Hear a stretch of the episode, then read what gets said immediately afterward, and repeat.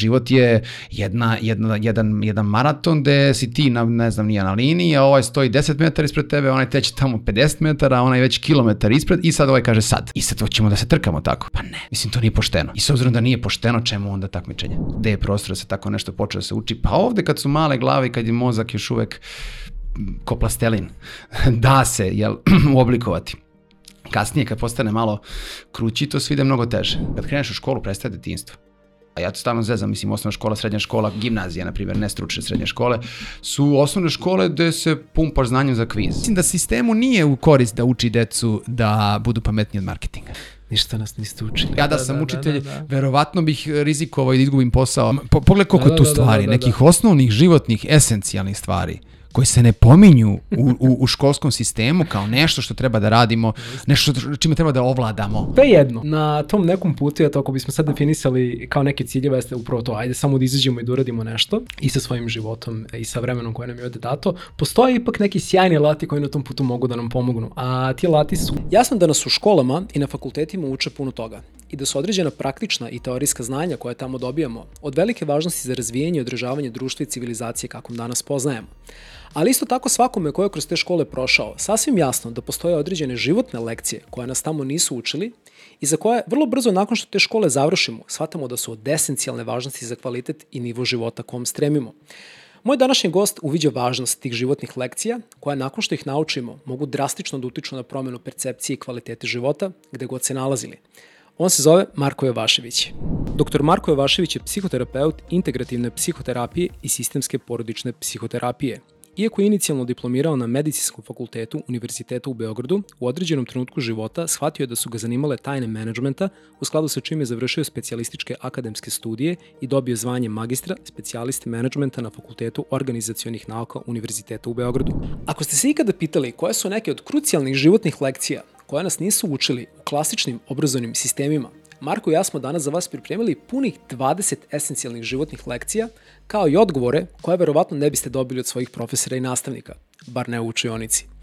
Ukoliko vam se dopada sadržaj kosmičkih putnika, ne zaboravite da kliknete na ono malo subscribe, odnosno zapratite dugmence ispod ovog videa i da podelite ovu epizodu dalje.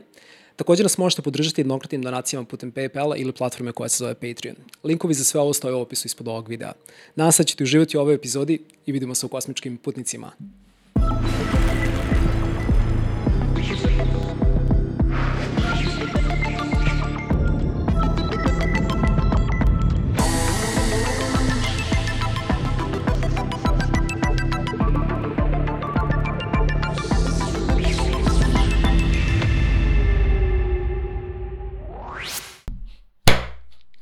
Marko, legendo, dobrodošao mi ponovo u Kosmički putnike, brate. Kako Hvala si puno. mi? Kako si mi? Šta ima? Pa, bolje nego prošli put, čini mi se. Stvarno, da. Pa koliko vremena prošlo kad ste videli? Par meseci. Ove, ovaj, Tako je, u kom da, smislu bolje? Kom smislu bolje? A, mislim da je, da, je, da je situacija bolja u društvu čini mi se, pa malo, pa malo ovaj, u odnosu na onu našu priču koja je bila sveža. Mm. Dobio sam čak nekih ono, ovaj, komentara da je, da, je, da je priča bila dobra, ali da sam ja nešto na moment izgledao izmoreno i, i izmučeno ovaj, i onda kad sam vratio par puta snimak video sam da, da, da, to je, to je bio onaj period, ovaj, težak period, jel, kad se desilo sve ono u, u, u osnovnoj školi Vladislav Ribnikar i onda nekako tih dana se i radilo puno i, i ne spavalo i, i razmišljalo i, i svašta procesuiralo i aj, ti smo imali možda par dana nakon toga.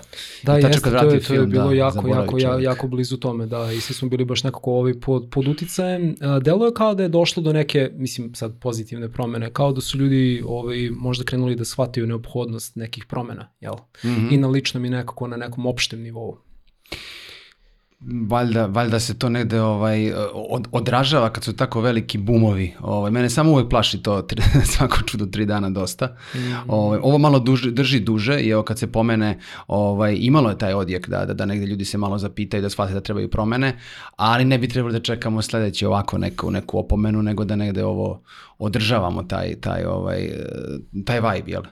Ovaj, pa e, promene. S tim u vezi, baš dok sam se, mislim, pripremao za ovu epizodu, sad kad pominjamo i te neke školske dane, jel, nažalost, koji su u ovom slučaju bili malo tragični, ali kad se setim svojih, uh, pomislim samo na to koliko bi volao da ovu epizodu baš koju danas snimamo, a, da je postao u stvari YouTube a, kada sam ja kretao u prvi razred osnovne škole i da sam ovu epizodu mogao da gledam sve od prvog razreda pa do kraja fakulteta. Znaš ono, kao čitanje malog princa, znaš jednom Da. godišnje u različitim fazama života i potpuno ga nekako tumačiš drugačije. Sad, zašto je to tako? Zato što će nam tema današnje epizode biti da obradimo 20 životnih lekcija koje nas ne uče u školama, Mhm. a za koje shvatamo da su nam i tekako od esencijalne važnosti i to nakon što izađemo iz škole uglavnom razumemo. Da. A, imamo, imamo puno tema kroz koje trebamo danas da prođemo i ja bih zato voleo baš da se bacimo na a, prvu lekciju. Na rad. Da, na rad, Ušli na rad, školu. upravo to. Da. Um, ovu našu YouTube školicu možemo Mhm. da nazovemo. Um, prva lekcija koja kaže da život nije proces traženja sebe, već kreiranja sebe. Čitam nedavno, ne znam da li si čitao knjigu od Neil Donalda Walsha Razgovori sa Bogom. Da, da, pročitao sam. E, i Nisu sve ovaj- delove, ali Da, prvi, ja sam pročitao drugi, prvu da. knjigu, da, ostavila onako solidan utisak na mene u određenom smislu, a baš je jedan od tih utisaka bio vezan za ovo prvo pitanje. Dakle, da život nije proces traženja sebe, već kreiranje sebe, u smislu da on u razgovoru sa Bogom dobio tu poruku da smo mi ovde ne u procesu traganja, već u procesu kreiranja. I Da. da, u zavisnosti od toga kakav smo identitet preuzeli u smislu šta je ono što mi želimo da postanemo, odnosno ko je to ko mi želimo da budemo, Mhm. Doslovno kreiramo sebe u tom pravcu. Jeste. Jeste, slažem se to i ovaj, ali tu je on na, na posebnu temu, jednu da kažemo celokupnu filozofsku temu potkupio Jeste. sa tim. A, a ako bi se mi držali ove naše teme, jel, koja je vezana za školu i za kad pričamo o školi, jel, pričamo i o predškolskom, pričamo o osnovnoj školi, o prva četiri razreda koji su specifični, pa od petog do osmog i druga specifičnost, pa srednja škola, fakultet. I mi smo ovde stavili neke stvari koje se zaista gotovo ne pominju manje više tu ili Da. se ne daje, ne daje značaj. Između ostalog to je i ovo, jer o- nekako škola te koncipira da ti uh, budeš nešto. A to je valjda ovaj prvi deo, da, je, da, je, da budeš cilj. Da budeš doktor, ne znam, da budeš inženjer, da budeš ovo, da budeš ono. A ne da budeš svašta po nešto, odnosno da kreiraš sebe kroz različite aspekte, jer ti ne možeš biti samo doktor u ovom svetu. Ti možeš biti, ti moraš uz to biti i komšija, ti moraš uz to biti i uh, roditelj, jel, ako hoćeš, moraš biti suprug ako hoćeš, moraš biti svašta, mislim, na svakom koraku si na različitim teritorijama, različitim zadacima, različitim situacijama, to je, to je, to je kreiranje. Ti tu moraš da iskreiraš sebe kroz te raz, raznorazne ovaj, situacije i uticaje koji, koji, koji te čekaju na svakom koraku. I taj proces kreiranja je u stvari to neko pronalaženje sebe u svim sferama ovog života. Naravno, ne možemo biti eksperti u svim sferama i ne trebamo, ali možemo u svakoj sferi da uzmemo nešto za sebe što nas čini To je valjda ono, jeli, da se, da se uči ceo život, da se radi na sebi ceo život. To, ja, ja to tako vidim, ovaj proces kreiranja. I ovo je nešto što nismo pomenjali toliko. Ni, nisu nam pomenjali, ne znam da su tebi, meni, meni nisu rekli. Ovaj. Pa nisu, u principu, e, da, baš sam da te pitam, kao, koji je bio taj neki identitet koji je tebi bio nekako uslovno rečeno nametnut, kao kada si krenuo u školu, upravo sad kroz prizmu toga što Pa si dobro, rekao ja vezano imam to. pečat lekarske porodice Da, da. i onda je meni to bilo, To ti ono, bilo, ti, si, ti, lekar. ti si lekar, da, ti ćeš biti To ono lekar. kad se tek rodiš, pa ja vidi ga moj sin lekar. da, ima ona kako se zove kod Da, Mušića, da, da. doktor Cvijović, jel?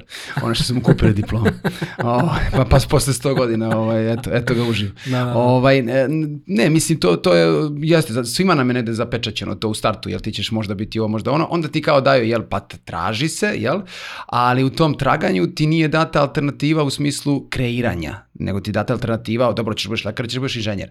Mm. Hoćeš da budeš inženjer ili ćeš da budeš pravnik. Mislim, na- ne, nema tu neki, neki uzak izbor nam je tu bio dat. Što opet, ok, postoje profesije, postoje, ili tako, moramo se ne da, ne da isprofilisati u tom smeru, ali nije nam dato, s obzirom da, na primjer, osnovna škola, ja to stalno zezam, mislim, osnovna škola, srednja škola, gimnazija, na primjer, ne stručne srednje škole, su osnovne škole gde se pumpaš znanjem za kviz. Mislim, ako ćeš stvarno dobro da naučiš tu i da još produbiš i odeš na Wikipediju, ti si fantastično spremljen za jedan kviz da možda uzmeš pare, ali to ti je jednom i ko zna koliko, jel? Ovaj, to znanje je često, često znanje koje nije primenjeno znanje, često mnogo, mnogo mnoštvo informacija, što je i dosadno, tako da to pola decenije ne uči, niti neće to da, da, da, da skapira i provlači se ili kako već. Umesto da se to negde ukalupi u, uh, u taj neki segment, uzmi dve, tri rečenice za sebe koje će sutra da ti znače ovaj, na nekom polju ili za nešto. To je stalno Đorđe Balašević imao, imao tu foru ovaj, na nekom od njegovih ovaj, koncerata, pa kad priča, priča između pesama, pa kaže, ovaj, ma hemija, kaže, pomogla mi, kaže, nenormalno, vi to ne možete da verujete, kaže, ja vozim kola i kaže, prestižem kamion, kad drugi kamion meni u susret, ja se setim onog benzenovog prstena, onako mi pred očima benzenov prsten i to mi da snagu i refleks, kaže, ja uletim između dva kamiona i spasim se. Mislim, ironično, naravno, jel? Ovaj, da, da, ali, da, da. ali ovaj, poenta je u stvari da, da, tu ima masa nekih nebitnih stvari, za nekoga ko se bude time usko bavio će biti izuzetno bitno, ali za većinu neće biti bitno. Pa mu daju te hemije, naprijed kad sam se uhvatio hemije, nemoj ga, jel, sa nekim znanjem koje koje se uči pre svega posle na fakultetu i tako dalje, dajmo iz hemije ono osnovno da razlikuje sutra, jel, kad treba da opere sudove, kad se, ne znam, opeče bazom, da mu treba kiselina i obrnuto. Mislim, dajmo te neke životne stvari koje će mu trebati zbog hemije. Ili na kraju krajeva pripitomi tu hemiju uh, uh, tom uzrastu. Mislim da je to najveći problem, na primjer. Meni deluje možda i da u tom procesu koji si sad opisao kroz prizmu škole nije dovoljno bilo naglašavano to koliko je okej okay da prihvatimo to da će ceo život proći u nekoj vrsti kreiranja samog sebe. Već da smo morali da, da preuzmemo taj neki identitet ka kom ćemo se mi kasnije orijentisati, ali da ćemo zapravo kroz životne faze zapravo shvatiti da to možda uopšte ne identitet s kojim mi zapravo želimo da se povežemo Tačno. u nekom trenutku. I Tačno. da nema ništa lošeg u tome. I da ljudi ne moraju da prolaze kroz katarze kad shvate da možda ceo život koji se školovao za hemičar, on shvati da hoće da bude muzičar. Na da- primjer, da... da. I da nikad nije da, da kasno da, i, da, te, da, da, i te neke stvari. Kako da nikad, nije, bravo, da nikad nije kasno, zapravo sam na to mislio. Jer mislim mm -hmm. da se mhm. tu dosta svi zgrčemo, da svi imamo utisak, pa kako sad posle svih ovih godina da krenem Jest. ka nečem ka čemu me zove duša. To zalazio malo taj filozofski aspekt koji je zapravo dolazio u nekom određenom trenutku nakon škole. Tačno. Tačno. Jer ti kad ispuniš taj cilj, ovo, ovo što smo prvo sad rekli, ti ispuniš taj cilj i dođeš do te tačke, jel postao si doktor, mm. jel, i sad i radiš to i zarađuješ od toga i onda staneš, tu, tu je gotovo, to je kraj, to je cilj. Dobro, možeš ti tu ideš neke doktorske studije, ovo ono da budeš što više operacija, ne znam ja šta, ako ćeš da se tim brojkama takmičiš, ali u suštini u tom trenutku kad si ostvario taj cilj početnik koji ti je negde i u školi favorizovan kao životna poenta, maltene, ti onda staneš i okreneš se oko sebe, čekaj pa kažeš imam i ovo, imam ovo, a nisam dobar u tome. Ili se ne mhm. Osjećam da sam dobar u tome. I onda kad se ne osjećaju da su dobri u tome, onda ni ne idu tamo, nego se povlače. Pa tako ostanu deca koja su bez roditelja, po znacima navoda, jer to što je fizički prisutan, ako nije emocionalno, kao da ga nema. I masa sličnih stvari, loš si komšija, ne volete ljudi generalno, na primjer. Zašto? Zato što nemaš te veštine, nemaš tu širinu, ajde da kažemo, u odnosu na ono što je tvoja uska profesija. A gde se to prvenstveno, gde je prostor da se tako nešto počeo da se uči? Pa ovde kad su male glave i kad je mozak još uvek ko plastelin, da se jel, oblikovati. Kasnije kad postane malo krući, to sve ide mnogo teže. Ovo si sjajno prva lekcija, se sjajno nadovezuje na drugu koja kaže kako da prihvatimo sebe onakvim kakvi smo. A, mislim da je meni to bio jedan od najvećih izazova tokom odrastanja. Uh, u tom smislu da uvek nastojimo nekako da budemo kritični prema sebi, da sebe guramo i da, na, da je naš progres uslovljen nezadovoljstvom koje imamo u vezi samih sebe. Mm -hmm. U kom smislu možemo da krenemo da prihvatamo onda sebe, a da na neki način se ne zaustavi rast. U smislu da se, jer upravo to, ako ja prihvatam sebe, a osjećam da to što ja trenutno radim nije dovoljno dobro ili da moj život ne ide u nekom pravcu koji treba, ja zapravo iz neke faze, iz, odnosno iz stanja neprihvatanja odlučujem da napravim neku promenu. Da, Uh, ja ovo povezujem negde u svom razmišljanju, može vratno da se, da se iz raznih aspekata ovo gleda, ali da. meni prva asocijacija uvek je za ovo uh, emocije. Jer gledam ovo kroz prizmu mla, male dece, gledam kroz sebe malog, ovaj, pa ćemo to slično primeniti i na stariju neku osobu ako pričamo da. sad ti i ja o tom problemu. Ovaj, uh, to malo dete uh, uh, u nekim trenucima, jel, škole i tako dalje dok je još mali, oseti bes sto puta, oseti tugu sto puta, oseti da je anksiozan sto puta, oseti e, krivicu, ko zna koliko puta, stid i tako dalje. I on nema pojma šta je to. A uzimamo energiju, e, e, čupa i grize iznutra. Neprijatno je, to su neprijatne emocije, to nisu loše emocije, to nisu negativne emocije, to su neprijatne emocije za naše telo kad su u takvim dozama. I onda to dete jednostavno ne zna šta je to i onda ne počinje da prihvata sve te aspekte sebe. Ono će lako da prihvati, svako će dete lako da prihvati mm, pohvalu, jel, hvaljenje, mm -hmm. da je sve ok, kad si srećan, kad je, kad je sreća data i tako dalje, kad postoji, to, to svi manje više lako prihvatimo i tome, tome i težimo negde i to, to jeste zamka, ali ovaj drugi aspekt to ne prihvatamo. I sad gde je taj neko, to nešto ili šta god, što bi to, tom detetu trebalo da približi taj moment toga gde je ono zbunjeno. Zbog čega ono ne može da prihvati sebe. Ono počinje vremenom da, jel, mrzi sebe što je besno, ili da potiskuje tu bes, ili da postane agresivno. Pa ne, ne, e, neko će postaviti pitanje, jel, pa sad neko dete koje se ponaša agresivno, jel treba da prihvati sebe takvo kakvo je? Ne, on ne treba da prihvati da je ono besna osoba ili ne znam nije šta. Ono mora da prihvati da je bes normalna osobina i da je bes u zdravim dozama lek, u pogrešnim dozama otrov i da traži taj svoj lek. Naprimjer, ako uzmemo bes, možemo uzmemo bilo koju emociju tog tipa, neprijatnu emociju. Mislim da, da, da se tu pronalazimo, u to, to prihvatanje sebe i u stvari prihvatanje, pa kao onaj yin yang, jel? Mi bismo mm -hmm. svi ono belo ne bismo onaj crni deo nikako. Mi, mislim, mi kad kažemo ja koji, koji sad imamo jel godina, a zamisli dete, kome je to crno je i strah, crno, deca ne vole mrak, deca ne vole, deca se plaše mraka i tako dalje. Ovaj, koliko je njima to tek teško da, da, a već počinju u tim godinama da osjećaju, kad kreneš u školu prestaje detinstvo. I to je isto jedna, jedna zanimljiva tema. Što mora da prestane detinstvo onog momenta kada, jel, kad se krene u školu? Ovaj, jel to su prvi sudari sa, sa nekakvim uh, uh, uh, ajde da kažem, onim tamnim stranama života. Mm -hmm. Da ti vidiš da moraš da radiš nešto što ti baš i nije volja. Da, ne znam, mora ovako i onako, da, da, da ti neko nameće nešto i tako dalje. E, tu se nalazi uh, ono što je Valeta Jerotić je to je lepo nazivao, uh, uh, ima razlike među kompleksa i konflikta. Mi stalno govorimo, ne znam, Edipov kompleks ili govorimo kompleks niže vrednosti, tako koristimo te, te psihološke termine, mm -hmm. a u stvari možda je lepši naziv to kad kažeš kompleks, ti si već iskompleksiran, jel?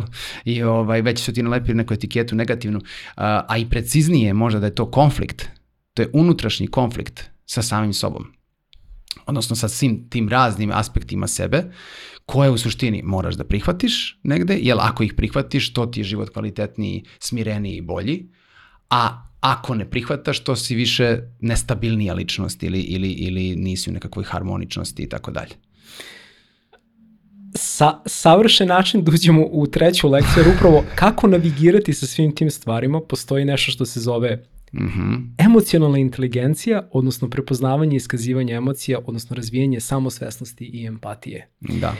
A, meni deluje da bi neko iz obrazovnog sistema, misli sad, ono, reći ću tako kako se osjećam, trebao da ode u zatvor, zato što, zato što uh, upravo ovo sad o čemu pričamo, recimo ove alate i ovo znanje, nije integrisao u školski sistem. Da. Ja trebam da od, odslužim sve te svoje godine školovanja da bi nakon što završim faks izašao i shvatio da sam većinu stvari u svom životu radio i da sam cijelu svoju moju unutrašnju emotivnu dinamiku orijentisao ka tome što mi je neko prilikom neke futbolske utakmice rekao da sam ružan, glup i nesposoban. No, na primer, I ja nisam da. umeo to da integrišem. I ja kasnije moram da idem kod tebe na, na terapiju. da to procesuješ. Marko, zašto da. ja radim ovo što radim? Ti kažeš, pa vidiš, znaš, neko ti kad, si, kad je bio mali rekao da si to i to, a nisi imao jednostavno sistem koji te podržao da prođeš kroz taj proces da. koji tebi okino niz emotivnih lančanih reakcija s kojima ti nisi znao šta da radiš. Da. U pitanju je kritički um u tom trenutku. Baš si lep primjer nekako dao. Kad se tako nešto desi mladom detetu koje nema kritički um, a računamo da, dete, da, da deca nemaju kritički um do neke 13. 14. 15. godine, nemaju dobro razvijen kritički um, tek nakon toga kreće da se, da se razvija. A, šta znači tu, u stvari, šta podrazumijam pod tim kritičkim umom? Eto, na primjer, neko ti kaže tako nešto. I uh, uglavnom će deči, e, deči mozak da, odle, da ode u smeru da, to, da, to, da toga napravi što crnju varijantu, što negativniju varijantu i postavit će sebe u egocentrični sistem. Da je ono krivo zbog toga. Znači ti si ružan ovakav glup, znači 100% sam ja Znači, naglašamo ja, zaista ružan, glup, ovako i onako. Ta tema, mama se svađaju svaki dan u kući, tuku se, biju se, ne daj Bože, jel? Ovaj, kako dete od 5, 6, 7 godina to percipira? Ja sam kriv što se oni svađaju. Moje postojanje je kriv što se oni svađaju. Da mene nema, oni se možda ne bi svađali. To su opasne, opasni načini razmišljanja za jedno dete koji sa svih strana, jel, različiti su udarci sa svih strana, koji tako formiraju ta uverenja sa detetu. Tada treba neko Mislim, trebalo bi to da budu roditelji, jel tako? Oni treba da budu ti prvi koji neće dozvoliti detetu da u tom razmišljanju ode. Prvo moraju da čuju šta to dete u kom smeru će da ode sa tim razmišljanjem, zatim da ga negde uvaže to njegovo razmišljanje, ali da onda normalizuju u, u suprotnom smeru odnosno da mu daju alternativu u tom načinu razmišljanja i da stvore to neko poverenje, ovaj, jer, jer deca, deca su glumci, oni kopiraju šta mi radimo, šta okolina radi i kroz to pokušavaju da pronađu taj svoj neki identitet. To je ono što, što je ovde problem, da, fali taj neko, fali to, falilo je uvek u stvari da taj psiholog u školi ne bude degradirana ličnost, već da bude na, na, na iznad nivoa prof, ovaj, direktora. Kod nas je direktor glavni. Mm. Jel? Od, od ono, to, to vučemo od, od, iz starih škola od pre 56 godina. Direktor je pojam. Mislim, direktor treba da bude tu, ne treba se pita ni za šta, ko što jedan, jel, a, ko što ima zemalja u ovom, u, ovoj, u ovom svetu gde ljudi ne znaju ni kojim je ministar ovoga, ni kojim je ministar, jedva znaju predsednika, mislim, jel tako? Ovaj, znači, on, direktoru se zna njegova funkcija, ne može direktor ovo da radi. Psiholog ovo radi i ovo je jako bitna, jako bitna stvar. Ali kod nas je psiholog, jel, gurnut negde tamo ispod, kod psihologa se ide po kazni, kad si napravio neku glupost, oni, deca koje su poslata kod psihologa, uglavnom je to, jel, zato što su nešto pogrešila ili nešto mm. nije dobro, pa eto ti etikete, pa onda drži se ono što, što boljeg ponašanja ili ćuti da te ne bi poslao kod psihologa i tako dalje. To datira isto iz tog perioda pređašnjeg, jel, naših roditelja baka deka, ovaj, kada je i psihijatar bio onaj kod koga idu ludi. I to je tačka. Znači, ili si lud ili si normalan. To je, to je bila podela ovaj, u ovom društvu jedna katastrofalno, ovaj, bilo kakva vrsta podela uopšte u društvu je loša, da se razumemo, ali ovo je katastrofalna podela na lude i na, i na normalne, jer ovi normalni nisu normalni, to su neurotičari po, po Freudu. Ovaj, drugim rečima, nema, nema normalnih ljudi na ovoj planeti ako gledamo iz te perspektive. Jer svi nosimo taj, taj, taj tamni deo u sebi i nešto pokušavamo sa njim da uradimo. Da bismo ga artikulisali s polja, da ne bi e, nekakav tamo alkohol, droga ili nekakav porok iz nas izvlačio tako nešto. Ja stalno za alkohol kažem da je alkohol uh, jedan badičep ono, jel? Ovaj, kad pukne brana pa, pa se sva voda izlije, uh, ovaj, jer ćeš pod dejstvom alkohola da vidiš kakav je čovek. Znači, mm. daj mu alkohol i vidjet ćeš da li je dobar ili nije dobar. Naravno, ne onu toksičnu dozu alkohola da povraća, da ne zna za sebe, to nije, to nije merodavno, ali daj mu onu neku idealnu dozu, pa ćeš da vidiš. Ako je nasmejan, ako grli, ako ljubi, to je jedna priča. A ako ide, hoće se bije konfliktan, nam, namrgođen, e, besan i tako dalje, on to nosi u sebi. Znači, alkohol otvara to iz nas. O, ovaj, zato nije dobar. Zato, nije, zato je poguban da bude uopšte dostupan, ovaj, jer on je neki eksperimentalna vrsta leka, on je droga, da se razume, ili, ili legalizovani antidepresant, slobodno možemo reći za alkohol. Zato e, ovaj, ne, ne treba da čekamo te vadičepe, ne postoje jel, spori načini, postoje polako, jel, postepeno da se te stvari otvaraju. Ako sam baš uzao metaforu brane, pa mislim, eto, brana, umesto da pukne, preusmeri u struju Znači možeš da preusmeriš u struju. Ali jedan od uh, uh, tehnika, jedna od tehnika za tako nešto je da se te emocije iznutra, pogotovo te negativne emocije, ono ne, ne pogrešio sam, neprijatne emocije, ovaj, uh, da se negde kanališu u neku, u neku energiju i da, da se verbalizuju. A kako da se verbalizuju? Putem emocionalne inteligencije, putem načina komunikacije, putem asertivne komunikacije i tako dalje. To je, to je, to je sredstvo koje mora da bude predmet. Mislim, zaista može, može da bude predmet. Kogod je, na pročitao samo onu osnovnu, je lektiru za osnovni razred, za prvi razred ovaj, iz emocijne inteligencije, to je emocijna inteligencija od Daniela Golemana, ovaj, vidi da tu ima materijala da se napravi za 8 godina ovaj, školstva, da se to lepo podeli, da se uči u etapama kako šta. Znači ima prostora za tako nešto. Sad... Da, bizarno je što u stvari možemo da e, veoma odrastemo u fizičkom, intelektualnom smislu, ali da na emocionalnom nivou ostanemo na nivou deteta. U stvari yes. tu se radi o tome. Ono što Jer... kažu nezreo, kao, jel? To, to u društvu mm. kažu on je, on je nezreo. Znači, drugim rečima, ponaša se neadekvatno ovaj, uh, situacijama, neadekvatno određenim trenucima i neadekvatno godinama manje više. Jer, jer kod nas takođe važi uverenje da što si stariji, to si pametniji. A to nije nužno tako, ja tako, čak naprotiv. Da, da, Jer u da, društvu da, se vidi da, je to, da, da, da, to totalno da, drugačije. Da, da, da, da, da, upravo to. A, naravno, opet s druge strane, emocionalna inteligencija je dosta vezana i za četvrtu lekciju, to jeste socijalna inteligencija. Kako bi nju opisao generalno i u kom smislu bi ona trebala da bude integrisana potencijalno u školski sistem na način koji bi bio produktivan za sve nas? To je najveći problem, ovaj, mislim da to je najveći izazov koji, s kojim se susreće svaki učitelj ili nastavnik, jer vidi različite uh, različite, da kažemo, i emocionalne i socijalne uh, karaktere u svom odeljenju, u jednom odeljenju. Gde ti imaš dete koje je povučeno, koje ne može da ostvari tako lako kontakte sa drugima, koje je nepoverljivo. Imaš ovamo na drugoj strani decu koja fantastično međusobno komunicira, imaš decu koja previše pričaju, jel, i previše su uh, egocentrično postavljene i tako dalje. I sad, jel, kako da ti 30 ljudi tu napraviš neku, neku priču, a ne možeš, jel to je utopijsko verovanje, da će svako od njih da ima fantastičan odnos jedno sa drugim i da to sve ide kao neka harmonija ili ne znam nije šta, to je i dalje utopijsko, to, utopijski da kažemo pogled, ovaj, na primjer na jedno odeljenje. Ali ti moraš da izvučeš, da, bude, da budeš pre svega kao, kao pedagog i psiholog učitelj, da budeš fantastično obrazovan i, i, i da kažemo da imaš veštine, da izvučeš iz sve, iz sve te dece maksimum. Cilj nije da se oni svi druže isto, nego je cilj da ti uđeš i pronikneš zašto je ovaj povučeni takav i šta on dobije, šta su njegovi benefiti iz takvog jedne pozicije, a šta možda da mu se ukaže da da su, da su možda sutra mane ili neke, ne, ne mogu to da budu mane, to mogu da budu ma, manji nivoji frustracijone tolerancije sutra. Jel? Jel će neko dete koje je povučeno sutra kada počne da radi, ako ostane takvo, da, da neki, neki će autoriteti to da zloupotrebljavaju, neki toksični ljudi će to da zloupotrebljavaju da takvu osobu ovaj, uzmu kao žrtvu pod svoje. Znači, ne, negde za takve stvari treba e, spremati decu. To je već, ulazimo u neki domen i, i, i vojničke neke, neke discipline ili, ili da kažemo neke samurajske. Kad mi pogledamo te, to su sve škole. Kad ti pogledaš te škole po Japanu, drevne neke škole koje su totalno drugačije od naše, pa i kineske, pa, ovaj, pa i samo, na primjer, vojnu školu, kao vojnu školu, nezavisno od, od ostatka škole, pa si ranije imao i, i crkvene škole, katoličke i tako dalje. Tu, tu, na svim tim školama se nekako drugačije pristupalo. Mm -hmm. E sad ne znam ko je bolji, ko je loši, to sad meriti i nije, i nije lepo, ali uh, ako gledamo samo ovaj sistem koji je nama dat kao školstvo, nije dovoljan, ima puno mana. Kako ćeš ispraviš mane? Pa upoznaj ostale sisteme.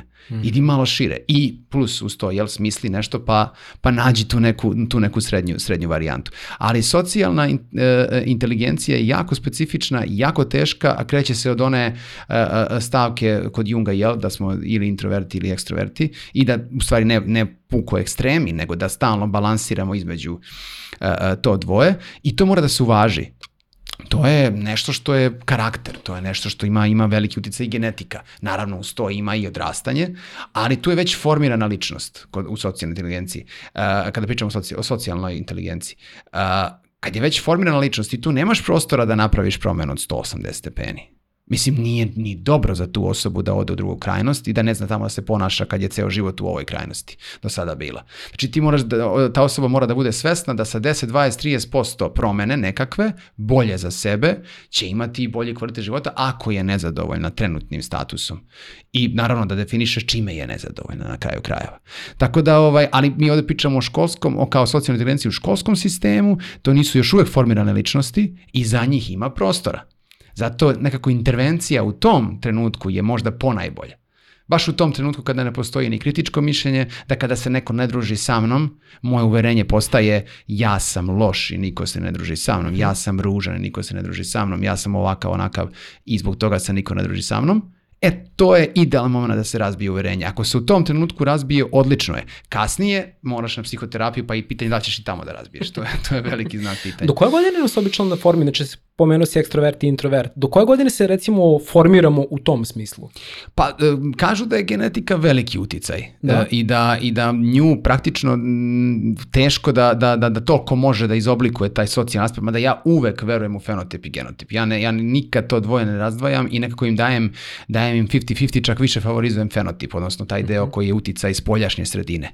Jeste, rodimo, rodimo se mi pod genima i imamo neki zapis i nešto, mhm. ali ovaj, tako da se ja tu negde, ono, nije ne slažem, nego, nego oni su ljudi, naučnici su to tako rekli, a ja ovaj, uh, uh, hoću da, da, da, da, da verujem da je, da, da je drugačije, a i malo mi iskustvo pokazuje da je, da je dosta drugačija stvar, tako da i isto kao taj formativni period za raznorazne stvari kod, kod čoveka koje se razvijaju od treće do neke 12, 13, 14, 15. godine, ovaj, tako isto i za socijalnu inteligenciju. Ima prostora u tom periodu da se radi samo ako se priđe dobro detetu na njegovom nivou. Ne možeš da pričaš sa detetom ko što ti ja sad pričam. To ne može. A, kao što si rekao, sad to je vezano za, za naučnike, neko koji priča tome, dođe onda na triče jedan Bruce Lipton sa svojim biologijom verovanja koji čovjek ono pokaže da nas zapravo geni ne određuju uopšte toliko. Tako je, tako je. Tako, da, da, tako što je opet nauka na delu na neki način. Apsolutno. Koji, da, Mislim, da, da, imaš da, brdo da. primjera gde, gde je čovek rođen sa nekakvim genom Mhm. a, ovaj, nekakve bolesti ili nešto koje mu se ne ispolji ceo život, a imao je verovatnoću veliku. Zato što je, ne znam, za razliku od nekih kojima se ispoljavala, nekakve navike životne ili nekakav stil života je promenio. I napravio je sebi 20 godina duži život nego što je generacija pre imala. Lekcija broj 5. Možda jedna od najtežih lekcija za mene lično. A, to je ne poredi se sa drugima, a, odnosno svaki sekund koji provedete u poređenju svoga života sa tuđim je sekund izgubljenog vašeg života. Uf, često mi delo da je ovo ne, mnogo nekako dublje u nama nego što inicijalno mislimo. Nekako u našem instinktu da se odmeravamo sa drugim bićem. Bar meni tako deluje. A, I sad gledam posebno kroz prizmu školovanja, kad se setim samo onih svih momenta, ja, kad nastavnica kaže, ja vidi kako je ova pametna, eto vidite kako ona, tako bi trebali i vi. da bukvalno na neki način se amplifikuje to da se mi osjećamo neadekvatno i da bismo trebali u jednom vrlo neproduktivnom smislu da se poredimo sa drugim. Zašto kažem da je ovo veliki izazov za mene lično, jer sam od uvek smatrao da na neki način ako ja uslovno rečeno se poredim sa nekim za koga ja lično smatram da radi nešto što je smisleno i dobro, I ja krećem da uvodim neke pozitivne promene, u smislu ne nužno da kopiram, nego kao, aha, vidim da može bolje i onda kroz prizmu tog poređenja ja krećem da uvodim neke promene koje su zaista pozitivne za mene dugoročno. I onda sad, a opet osjećam i taj užasni mentalni pritisak toga što ja stalno imam tendenciju da se upoređujem s drugima. Kako da se navigira između toga da budemo među ljudima, da ih sagledavamo takvim kakvi su, a da ne upadamo u tu destruktivnu formu poređenja sa njima. To, to pitaš sad kad imamo jel, 30-40 godina ili pitaš kad je malo pitam, dete? Pitam, da, ovaj, pitam zapravo, pitam, pitam, a, koreni toga se nalazi još kad smo, kad smo mala deca, jer Jest. znači tu se instinktivno poredimo sa drugima. Jest. Znači, bukvalno, volio bih eto da krenemo od te faze, šta se zapravo dešava i kako možemo upravo to, jer mi ipak smo u toj kasnije odrasloj fazi u poređenju s drugima iz te jedne osnove koja je krenula u stvari u školi. Da, da, da, da, da, pravo si, ne, ne, da, mislim, rađaš se sa tim, pa rađaš se kao dete, počinješ da gledaš, ne znam, na televiziji atletiku ili kviz koji sam pomenuo, ili Mhm. bilo šta oko sebe i ti ćeš vidjeti da tamo neko pobedi, a neko izgubi, neko dobije, neko ne dobije i tu je već, i svi, jeli, glorifikuju i tapšu aplauzi i tako dalje za ovo koji dobija, a ovaj koji ne dobije plače, tužan je, outsider je, on ne zna ništa, on je glup ili je, ne znam, ili, ili je slab, ili kako god. I tu već počinje to neko rangiranje u glavi, a pazi, ovo sve sad pričamo o detetu, jel, koje sve to gleda i koje, kome još dodatno niko ne objasni šta to znači, pa ono još više učesti to uverenje da ovo je dobro, ovo je loše, znači pobeđivati je dobro, gubiti je loše i tako dalje. Ovaj, I onda dolaziš u školu gde te sačeka jedno, jedno, jedna ista priča te sačeka. To ćemo, to, mislim, bit će ta lekcica ili opet jel, ovaj, jedna od narednih, je to sačekate sa ocenama gde te opet rangira, gde opet ti napravi. A u stvari kreće od ovoga što si ti rekao, e, postoji taj neki prototip, postoji uh, f, robot, jel? Taj neki fotomodel ili kako, bi, kako bismo ga nazvali, role model. Ovaj, a to je u stvari uh, ta neka devojčica koja je po PS-u, kako je učiteljica i sistem zamislio i to je to. I sad svi težite ka tome i svi budite to. A to se kosi sa ovim drugim, čini mi se što smo pričali tako, a to je ne drugim nego kako pronaći sebe, odnosno kako, kako kreirati sebe, kako se, jel, ne, da kako prihvatiš sebe, kako prihvatiš sebe ako težiš da budeš ta devojčica. Mislim. Da, školstvo nas stimuliše da ne prihvatimo sebe. Da, zato što su nacrtali kako bi trebalo da izgleda Da, da, da. da. to čemu mi težimo i zbog čega idemo u školi, u školu. Znači to ne može zato što, zato što prvo ne dolazimo i u tu školu svi sa istih i ne dolazimo na ovaj svet. Svi sa istih baza, svi sa istih nivoa, sa istih temelja. Nekome je dato ovo, nekome nije dato ovo, neko se rodio ko milijarder već, neko se rodio ko siromašan, neko nema roditelja, neko ima roditelja, neko... I, mislim, milion različitih, ne, ne, ne idemo, nije ova trka puštena, ako je trka, nije trka, nije puštena da svi stoje iza linije i kao ajmo nego je ovo, je, život je jedna, jedna, jedan, jedan maraton gde si ti, na, ne znam, nije na liniji, a ovaj stoji 10 metara ispred tebe, onaj teče tamo 50 metara, onaj već kilometar ispred i sad ovaj kaže sad. I sad hoćemo da se trkamo tako. Pa ne. Mislim, to nije pošteno. I s obzirom da nije pošteno, čemu onda takmičenje? Hmm. daj da tu presečemo i ono shvatiš da nema takmičenja i ti svoju trku ideš i gledaš da što više ovaj, budeš zadovoljan na kraju te trke da kažeš dao sam sve od sebe i uživao sam u toj trci, odnosno bilo mi je lepo, ne žalim što sam trčao. To je, neki, to, to je neka, neka, neka, da kažem, utopijska ideja. Jer, mislim, u startu nije, nije ovaj, ali kompeticija, naš, počinje, sad se Đinđiće, ono, kad je govorio onim njegovim besedama, ovaj, a, a, kad, je, kad je pričao, jel, da smo svi, ono, u trci od, sa spermatozoidima, jel, pobedili i prvi stigli na cilj. Mm, da, Evo, da. odatle kreće trka, mislim, ti si stvarno došao, došao na ovaj svet, ovaj, u nekakvoj trci. I stvarno si pobedio. Ali mislim da je tu dovoljno. da, ta, da ta, to, je, to je životna trka taj spermatozoid, to je životna trka, da li ćeš se roditi i doći na ovu planetu, to je najveća nagrada, jel? Ili ne. Ovaj, I kad si već došao, nema dalje. Sve ove ostale trke smo mi i naš um izmislili. I ništa više. Ovo je priroda izmislila. Da ti hmm. pobediš i da se rodiš. Nikakav više tog tipa trka, osim borba za hranu i ne znam nije šta, ako već to postoji jel, u, u, ovaj, u, u, sve, u prirodi, ali ne postoji ove vrste trka koje smo mi izmislili, ne postoje i one nas koče konstantno nas koči, konstantno nas unazađuju, a navodno idemo napred i navodno smo sve bolji i bolji, u stvari se konstantno merimo. I konstantno je ta nekakva razlika koja se pravi ovaj, među nama. Ne možemo biti isti, ali možemo biti slobodni u svojim različitostima, jel? To je ono što, što čemu treba u suštini, u suštini težiti. I nekako u miru sa njima. Baš sam pogledao bio jedan uh, divan video koji onako predstavlja, sad ako imamo, ovo je recimo uh, vreme u kom živimo sad ti i ja, I upravo kao što si rekao, mi smo sad tu u različitim fazama i mi nekako percipiramo sa našim umom da postoji tačka A i tačka B u tom vremenu, mm -hmm. a zapravo često ne vidimo da se možda nalazimo u jednoj ogromnoj sferi, Tako je. gde zapravo ta faza koju mi vidimo je taj nečiji uspeh je bukvalno samo segment njegovog postojanja u tom trenutku koji je njemu važan i nema nikakve veze sa tobom. Tako Ni, niti to treba da utiče na tvoj osjećaj manje vrednosti. Tako da smo svi zapravo u tim ciklusima i da jednostavno kroz te cikluse svakome dolazi ono što mu treba u tom vremenu. Jest. I jest. recimo to kad sam sagledao tako, mislim, bukvalno ni, nisam gledao to na taj način da kao, pa da čovječe, da, bitno je valjda da ti uh, Hm. Sad upravo to, kako da ti onda možeš da proceniš da trebaš da nastaviš nešto da radiš, a da se osjećaš da nisi u nadmetanju i da si pritom nekako svestan da je to samo fazi ciklus koje ti trebaš da pratiš. To je opet vezano za ovo pitanje kako da prihvatiš sebe onakim kakav si. Mm -hmm. Na neki način je vezano sa tim. Verovatno kroz život trebamo da otkrijemo šta je to što je nama važno i kad nekako to otkrijemo, samo svojim tempom. Tako da, je, da. i to i to ono što je što čuva ona izreka ne poredi se s drugima nego sa sobom od juče. Da, upravo to. To je ja, jedino poređenje koje ima smisla. Jedino koje ima da. smisla i ako smo već kritičari na primjer ocena u školi, ako smo kritičari tog aspekta, ajde onda da ovaj da damo i neku alternativu. Jel ima sad nekih sistema, čujem, u Finskoj ovde, onda da ukidaju, ukidaju taj, taj, taj sistem ocenjivanja i naći će neki drugi način, pokušat će neki drugi način. Ovaj, uh, uh, ja mislim da taj način možda treba da bude usmeren ka tom delu kako da svako ima sobstveni taj rang, ali u okviru sebe i da mu nastavnik, učitelj pomogne u tom aspektu. Hmm. Znači, ajde, pratimo samo nas dvoje. Ne ono da sad ti viriš u dnevnik, pa ova ima četvorku, ima trojku, ili dođeš kući, pa mama kaže šta si dobio trojku, aha, šta je dobila ova, ova, ovaj, ovaj, ovaj, da bi te tu negde izrangirala. Nema toga, jel? Nego ima samo taj tvoj put. I tu pratimo. I ako tu si jel, ne ideš tempom ili, si sta, ili stagniraš jako dugo ili ideš na dole vidljivo, a nisi takav bio pre godinu, dve, onda gledamo zašto, šta su razlozi i držimo se samo tebe, samo tebe bez poređenja sa drugima.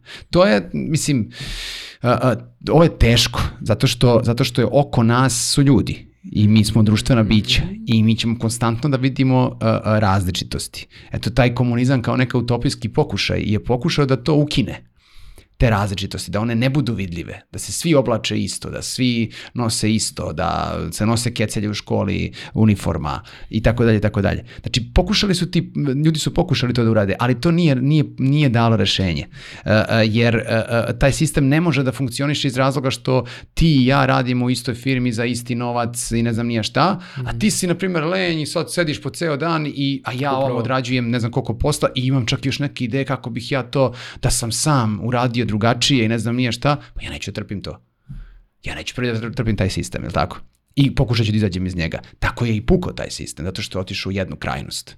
Preveliku jednu krajnost. Tako smo isto i sa, mislim, ovaj, mi, mi nekako idemo to ovaj, iz, iz krajnosti u krajnost, na primjer, to takmičenja, ovaj, da bismo izbegli sada, jel, da, da samo prva tri dobijaju medalje, mi i da nađemo neko normalno rešenje, odnosno da malo te tri medalje ne glorifikujemo preterano, nego da baš potenciramo da je jako bitno potruditi se, da je jako bitno, jel, što je i slogan, važno je učestvovati, ali to niko neće prihvati. Zašto? Jer uvek, koliko god da vičeš važno je učestvovati, na kraju se ova trojica e, slikaju, budu na televiziji, svi pričaju o njima, a ne pričaju ima što su učestvovali. Ali mi smo otišli u, u traženju rešenja u totalno drugu krajnost, gde sad imaš neke trke od, od 2000 ljudi, ja idem na Tribalion ovaj, a, a, a, u, u subotu sad. Ja znam da ću dobiti medalju. Finišersku medalju. Svi dobijaju medalje. Mislim, to, to je ono... Znaš, idem sada to takmičenje, ja znam da ću dobiti medalje, pa što da idem? Znaš, malta ne ono, jel? I medalja je izgubila smisao na taj način. Naravno, a zapravo jedina poruka koja je tu važna je da si otišao, da si izašao iz kuće. Tako je. To, to je zapravo ono što je, je važno, kao Tako je. aktivan život. Tako je. kao ne, Tako ne, je. ne medalja. Tako je. Da, da, mi da. malo tu, mislim, e, u tim Jeste. pokušajima da nađemo balanse, mi odlazimo iz jedne krajnosti u drugu krajnost. Baš sam sa e, Ivanom Kosogorom pričao e, skoro na tu temu, kad se peglaju neke stvari, kad pokušavaju da se isprave, toliko brzo se teži da se, da se, da se ode u drugu krajnost, pa je tako sirena, jel, mala sirena postala od bele crna. Mislim, to, mi, to mi je promaklo. Preko noći, e, ne, ide, ne ideš po bioskopu. Ne, ne bi nije bilo sirenu, nego, ne, nego, nego klinci navalili. A čekaj, ovaj, ide, uh, postala crna i pretpostavljam da se identifikuje kao žena. Pa dobro, normalno. U stvari je muškarac. Zbunjena, pa to, to. zbunjena je. Zbunjena, zbunjena da. Ali, ovaj, ali, ali je crna. Za početak da. ima, ima crnu boju kože i, i time ćemo da rešimo sav problem na ovom svetu. Time ćemo, jel, da, da ne bi glorifikovali ove tri medalje, mi ćemo jest. da damo svima medalju. Pa nije to rešenje. Jeste, jeste, zato što je opet sintetičko rešenje. Da, sintetičko. I, i svi, svi, ga duboko, svi ga duboko u sebi osjećaju kao sintetičkim i da, nisu da, da, da. I neprijatno je. Mislim, da, da, svima je ružno za gledanje u da, suštini. Da, da, da, da. Uh, sve jedno, na tom nekom putu, eto ako bismo sad definisali kao neke ciljeve, jeste upravo to, ajde samo da izađemo i da uradimo nešto, i sa svojim životom e, i sa vremenom koje nam je ovde dato, postoje ipak neki sjajni lati koji na tom putu mogu da nam pomognu. A ti lati su usko vezani za šestu lekciju, a to je kako možemo da razvijemo fokus na proces i ciljeve, odnosno kako možemo da razvijemo i držimo dobre navike kao i disciplinu i motivaciju koje su na tom putu neophodne. Mislim da bi definitivno knjiga Atomske navike od James Cleara trebala da bude uvrštena u lektiru, u školsku lektiru, da. apsolutno. Da, znači ja sam da. tu knjigu pročitao sa 34 godine i jednostavno sam shvatio da on čovek tu na jedan tako bazičan E, sjajan, divan i jednostavan način ljudima daje alat šta god da odluče da rade u životu, mm -hmm. koji može da im pomogne da razviju te male korake, te, e, te, te baby steps, kako bi mogli da uvrste u svoj život određene vrste navika, odnosno kako bi mogli da preuzmu nove vrste identiteta. Tako je. Da bi jednostavno mogli da krenu ka, god go, ka kom god cilju da imaju. Tako je. A, recimo, sad se isto kad sam bio u školi, bilo je bitno dobiti peticu. Uči redovno, Pa dobro, kako? Hmm. Daj mi neke alate da ja zaista mogu na dnevnom nivou sebi da olakšam te procese. Ne, nego samo uči redovno. Yes. I onda jednostavno dođe čovjek kao što James Clear kaže, da, evo, hoćeš da postigneš, evo ti super efikasni način i kako to zaista možeš da uradiš ako to želiš. Pa znaš koja je, bio, koja, koja je jedina tehnika bila, bila ponuđena tada? Kec. Zagrej stolicu. da, da. Da, da, da. Mislim, ka, kako da učim na državnom mjestu? Zagraj stolicu.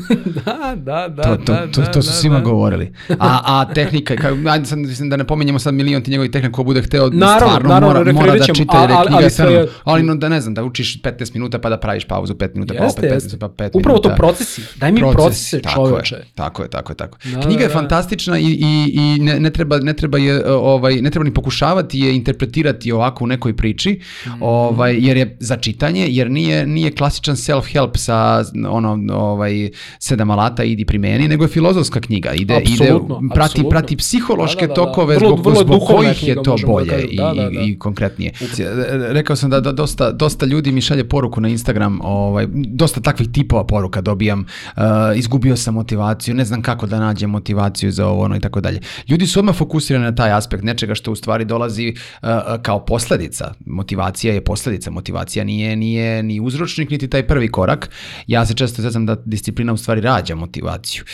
Jer disciplina, ono što u stvari što rađa je nešto što, što, što se naziva zdravom dozom griža savesti. Znači to je nešto što ti, uh, griža savesti je toksična i loša ako te ovaj, izjeda i ako je u tim nekim pogrešnim dozama, ali ako je u pravoj dozi, ona može da da bude strašan motivator. E, odnosno može da bude da probudi motivaciju u tebi. Jer to je, na primjer, ne znam, ako ideš u teretanu i, i, i ovaj, zašto, ne znam, ovi što rade u teretanama kažu da je uh, ogroman procenat ljudi koji se nikada ne vrate posle dva meseca.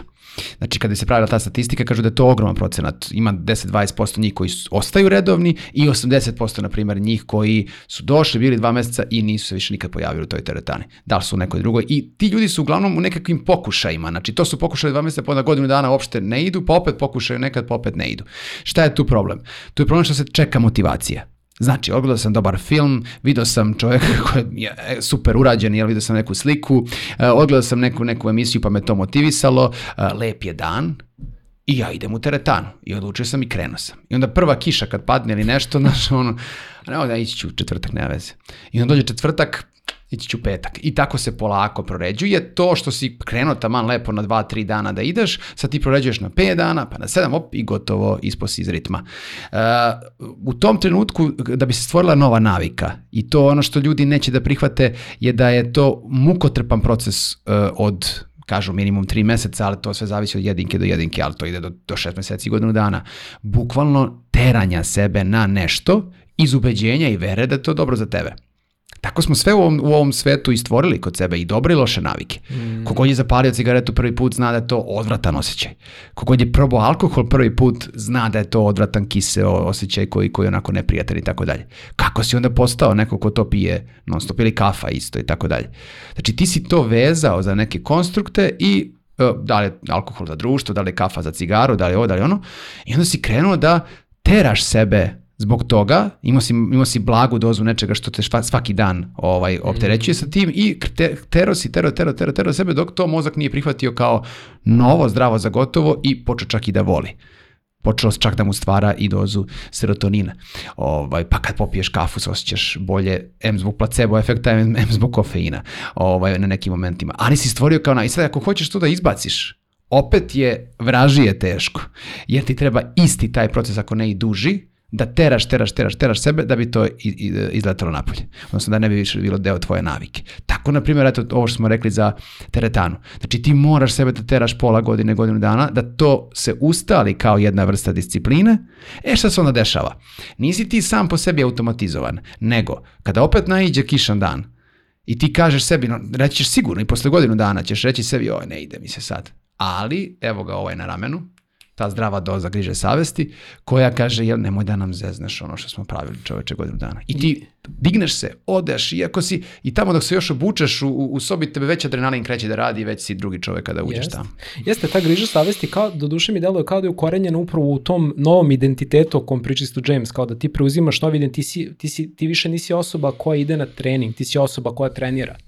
I upravo to, ti, ti, ti, ti si, naš, upravo to, tvoj uh, ti krećeš da u sebi to otvoruješ novi identitet za koji je nekako, nemaš više, e, u jednom trenutku prestaje trenje. Jest. Nemaš više kao ja moram da idem, ne, nego ja treniram. Jest, ja sam osoba jest, koja trenira jest, ili kao ja sam osoba koja se Pa i u negativnim navikama da, ti kažeš da, ja sam da. pušač. da, da, Čak ti da, pitaju da, jesi li pušač ili nisi, pa ti kažeš jesam. Znači postao si pušač tako što si terao sebe i disciplinovao sebe da pušiš, pa si postao pušač. Jest, jest. Nisi se motivisao da, puš, da, da pušiš cigarete ili da... Uh, eto sad pomenuli smo isto neke knjige, a to sad sjajno uvodi u sedmu lekciju koja kaže da akcije i iskustvo uvek donose e, više od razmišljalja i teoretisanja. Mm -hmm. uh, svi mi možemo da pročitamo atomske navike, da budemo wow, kako yes. je ovo super i da nekako jedan put uh, provalimo kako smo nešto spoznali, odnosno da to znanje koje smo dobili na teorijskom nivou mešamo za akciju koju smo uradili. Mm -hmm. To stalno radi, to, to se meni desilo hiljadu puta dok pročitam neku knjigu. I onda sam zapravo shvatio, baš je ovaj Gurđijev, uh, taj veliki duhovni učitelj koga sam često pomenuo na ovom podcastu, sjajno je pričao o uh, zapravo to jednoj skali da, odnosno do jednog disbalansa u toj jednoj skali do koje dolazi ako čovek uh, u sebe ubacuje više i više i više teorijskog znanja, a nivo njegovog bića ne prati to da mhm. zapravo spoj znanja i bića dovodi do razumevanja i da u jednom trenutku koliko imamo previše znanja i biće ga nije stiglo, mi smo zapravo u nerazumevanju, zato da. što imamo teorijsko znanje, ali ga nemamo u svoj biti. Mi ne znamo šta ono znači, zaista. Da, da, da. I da. zapravo samim tim ne možemo da ga razumemo. I to mi je baš, je, ja, jako mi je bitna lekcija, baš zato što smo mi kad pričamo sad u školskom kontekstu, nekako smo bili učeni da bubamo stvari. Mm, jest. Jednostavno učimo za tu ocenu. Jest, mi zaista jest, nikada jest. nećemo proći kroz neku, mislim, mislim, većina nas neće kroz tu školu, ako nemamo baš divnog profesora, nažalost, kojih je dosta malo, neće, nas, ne, neće nam objasniti u tom nekom životno shvatljivom momentu zašto mi radimo nešto, zašto je to važno i na koji se način, recimo, o toma, ja sam od uvek, recimo, šizeo što se časovi hemije nisu odvijeli isključivo u laboratoriji. Mm -hmm. Oko je pruveta, oko svega toga. Non stop, da. Jer kao, naš čoveče, to je hemija. jest, jest. Da. Ili biologija da bude da bude u prirodi jest, i jest, tako jest. dalje. Da, I da, ona to, dolazi do to, i ona dolazi do te zabune. Ovaj ka, kako pa gledaš nekako to? ovaj taj taj aspekt ima im sa puno strana ga gledam. Mm -hmm. Ovaj prvo što što nekako ovaj sistem mi se čini da da da gura ljude u smeru da je napravi od njih uh, nastavnike takav imam utisak da ono što se uči u osnovnoj školi, uh, srednjoj školi, kao da te vuče ka tome da, ti, da i ti budeš nastavnik koji će tako isto to da predaje, ili čak i na fakultetu. Ka, opremaju se ljudi da ostanu na fakultetu, sa takvim znanjem koje ti završiš na fakultetu. Uh, 90% ljudi ne zna sada da uđe u, u, u, u posao i da to primeni. To, to će reći svaki student medicine, kad je završio medicinu da je došao tamo da ne zna, ne zna da pregleda čoveka, ne zna, ne zna da uradi osnovne stvari. Da, Ali da, da, da ga sad da, da, smestiš da, da. na institut za patologiju, da analizira uh, pločice i da, i da svašta, bit će fantastičan, verovatno. Biće fantastičan. Znači, opremaš čoveka za uh, uh, univerzitet. I to, je, to, to sam i u Americi isto čuo, no, da, ovaj, da, da, da pričaju biznismeni, jeli, veliki, da, da među biznismenima nema ljudi koji su, na primjer, ekonomija, ako gledamo ekonomiju kao aspekt, nema uh, ovaj, profesori sa Harvarda, sa Yale-a, odavde, oni se ne bave biznisom, uh, mislim, kao neki ljudi ovamo što prave ovaj, raznorazne korporacije ili svašta i tako da. Zato čuješ, ne znam, Maska ili ovoga ili onoga koji ne nemaju te, to znanje, nemaju tu školu, imaju nešto drugo, imaju neko, neko iskustvo, imaju neku, neku drugu priču, totalno. A ovi ljudi koji znaju deset puta bolje od njih, teoretski taj aspekt, oni predaju studentima. Mislim, tu, tu, se, tu se završava cela ta, tu, to su ta dva pravca. Zato što e, nije integrisano ovo što si rekao, nije integrisano a, a, a, znanje i iskustvo. Znači, ja mogu da sedim 15 godina ovde, na primjer, da ne izlazim napolje, i obožavam šume. I ti mi daš ovako brdo knjiga o šumama i ne znam nije šta. I čak i video snimaka i tako dalje. Ja to čitam, učim i sve. Ali nikad nisam kročio u šumu. Nikad nisam napravio jedan korak da uđem ma, bilo koju, na košutnjak, na, na, na, na banjičku šumu, sve jedno. Nisi nikad napravio. Znači ti ne možeš to, to da spojiš. Ti možeš da pričaš o tome teoretski, ali čuje da se osjeti da ti nisi, da ti nisi deo toga. Takođe, s druge strane, a, a, ako ideš u šumu, da, lepo ti je, lep ti je sam taj energetski osjećaj, ali prije nemaš pojma ko je ko je drvo. A zar nije najlepše kada obožavaš šumu, ideš i šetaš i takvo znanje imaš da kad staneš pored svakog drveta ti znaš koje je to drvo, kako je ono nastalo, gde mu je istorija, šta je specifično za njega i tako dalje. Zamisli koja je to lepota. Da, a tu si opet sa njim. A tu si opet sa njim, da, da, da. To, tako da to objedinjenje yes. znanja i iskustva je, je srž u svim poljima. Yes. U svim poljima, definitivno. Mislim, to, to, ja to volim da kažem kroz jednu rečenicu, ovaj, e, nemoj mi govoriti tvoju filozofiju, pokaži mi da živiš. I to je jako, to je jako bitno. Ovaj, jer mi možemo i da, evo, ko ti ja sad što pričamo o ovome ili sutra, jel, da, da ti budeš psihoterapeut ili budeš ovo ili budeš ono, a da ne ideš u skladu sa onim što propagiraš po znacima navoda, odnosno što je tvoja životna filozofija. Tako da, jel, ne mogu ja da sad očekujem od sebe da ću da mrtav, pijan i drogiran, jel, da, da, da, da, da se na nekom stolu penjem i da, ili da visim sa nekog plafona na, na, na lusteru ovaj, na nekoj zabavi. Ne ide. Kad kod mene dolaze ljudi koji imaju problema s tim. koji, koji na primjer imaju bolesti da zavisnosti. Ali, ali, ali to, to je super, možeš kao terapeut da imaš izgovor uvek za takve situacije, kaže pa da, ali ja to radim da bih vas bolje razumeo. Pa, uh, pazi, jeste, iskusni ranjeni terapeut je najbolji terapeut, to je, to je rekao Irvin Jalom. Oh. to je to, da, zato, što, da. zato što dođeš sa nekim, ali ne moraš sve da probaš da bi znao da je, da je loše, da, jel? Da, da, da. Ove, ali je fantastično za jednog psihoterapeuta da oseti šta znači anksioznost ili da ga protresu anksiozno-panični napadi u životu ili da oseti šta znači depresivna epizoda, mnogo bolje razume svoje klijente. Jeste, mislim upravo iz tim razlog dosta ljudi koji ulaze da se bave psihoterapijom, ulaze da, da bi zacelili sebe. Ja to prvi iskreno kažem, da, kad da, mi kažeš što si, što si se odlučio za to, zato što sam mislio da ću, da ću kroz bolju nauku i kroz bolje znanje što bolje pomoći sebi.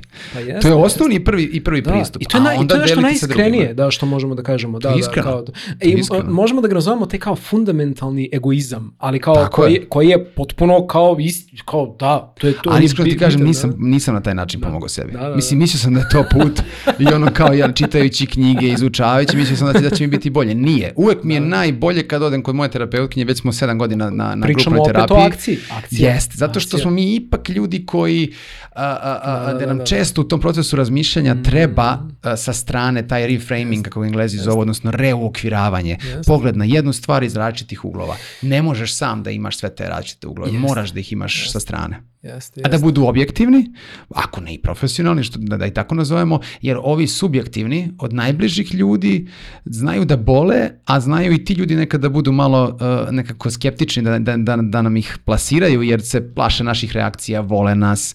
Taj aspekt kad postoji, to nije dobro. Iz razloga što, što, ovaj, što jedno tu gubi.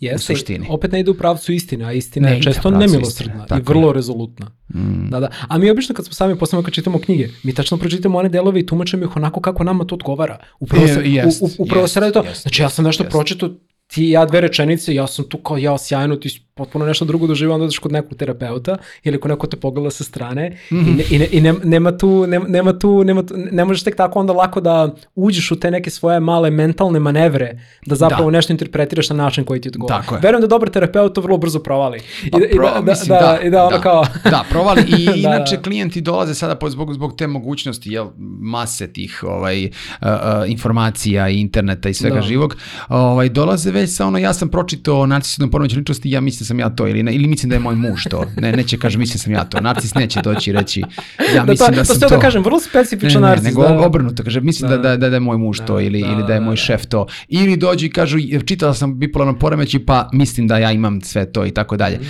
Ovaj, odmah se vezuješ za nekakvu etiketu, za nekakvu dijagnozu i tako dalje, a to je veliki problem zato što a, a, naš zadatak i jeste da deetiketiramo čoveka, odnosno da ga vratimo ka onome što on zaista jeste, jer ti nisi ta dijagnoza. Dijagnoza je uvek posledica. Sve dijagnoze koje vidiš u, u, u psihijatrijskom domenu dijagnostikovanja su u stvari posljedice nečega što se dešavalo. Mene mnogo više zanima to što se dešavalo i to što je dovelo do te dijagnoze nego sama dijagnoza. Mada zaista nekad simptom zbog dijagnoze može da bude izuzetno jak i onda nam treba, treba malo da se smiri taj simptom da bi uopšte mogli da zađemo dublje. Sve ovo što si sad rekao i ta jedna lavina informacija kojoj smo izloženi i gde mislimo da znamo puno toga nas savršeno uvode u osmu lekciju koja kaže da je zapravo sasvim normalno osjećati se izgubljeno. A, bitno je biti svestan da ne dugujete ništa a, onom malom detetu vama, ali da dugujete sve sebi u sadašnjosti. To si ti stavio bio baš kao jedan komentar na, na svom profilu gde si pričao o pitanju izgubljenosti.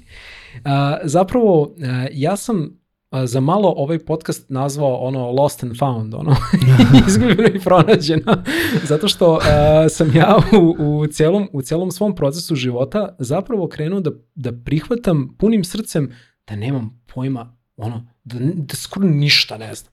Zna- Znači, u smislu da a, prihvatiš da nema ništa loše u izgubljenosti u tom smislu da je to stanje iz kog može da krene nešto a, što može da vodi u pravcu pronađenosti. Da. Jer dokle god ja mislim da ja znam gde sam ja i da znam šta se meni dešava, ja Mhm. zapravo kao da ne, ne prihvatam svoju izgubljenost i na neki način ulazim u nečeg što ja tumačim da je sloboda i da je zapravo pronađ. I samim tim sam konstantno u toj, u toj fazi, a da zapravo toga nisam svestan. U smislu, ne, ne, ne dozvoljavam sebi da sagledam sebe kao neko ko je izgubljen ko može da se pronađe. Time što mislim da sam pronađen. Mm, ima, ima logike i u stvari ta izgubljenost u stvari može se poistovetiti sa ranjivosti.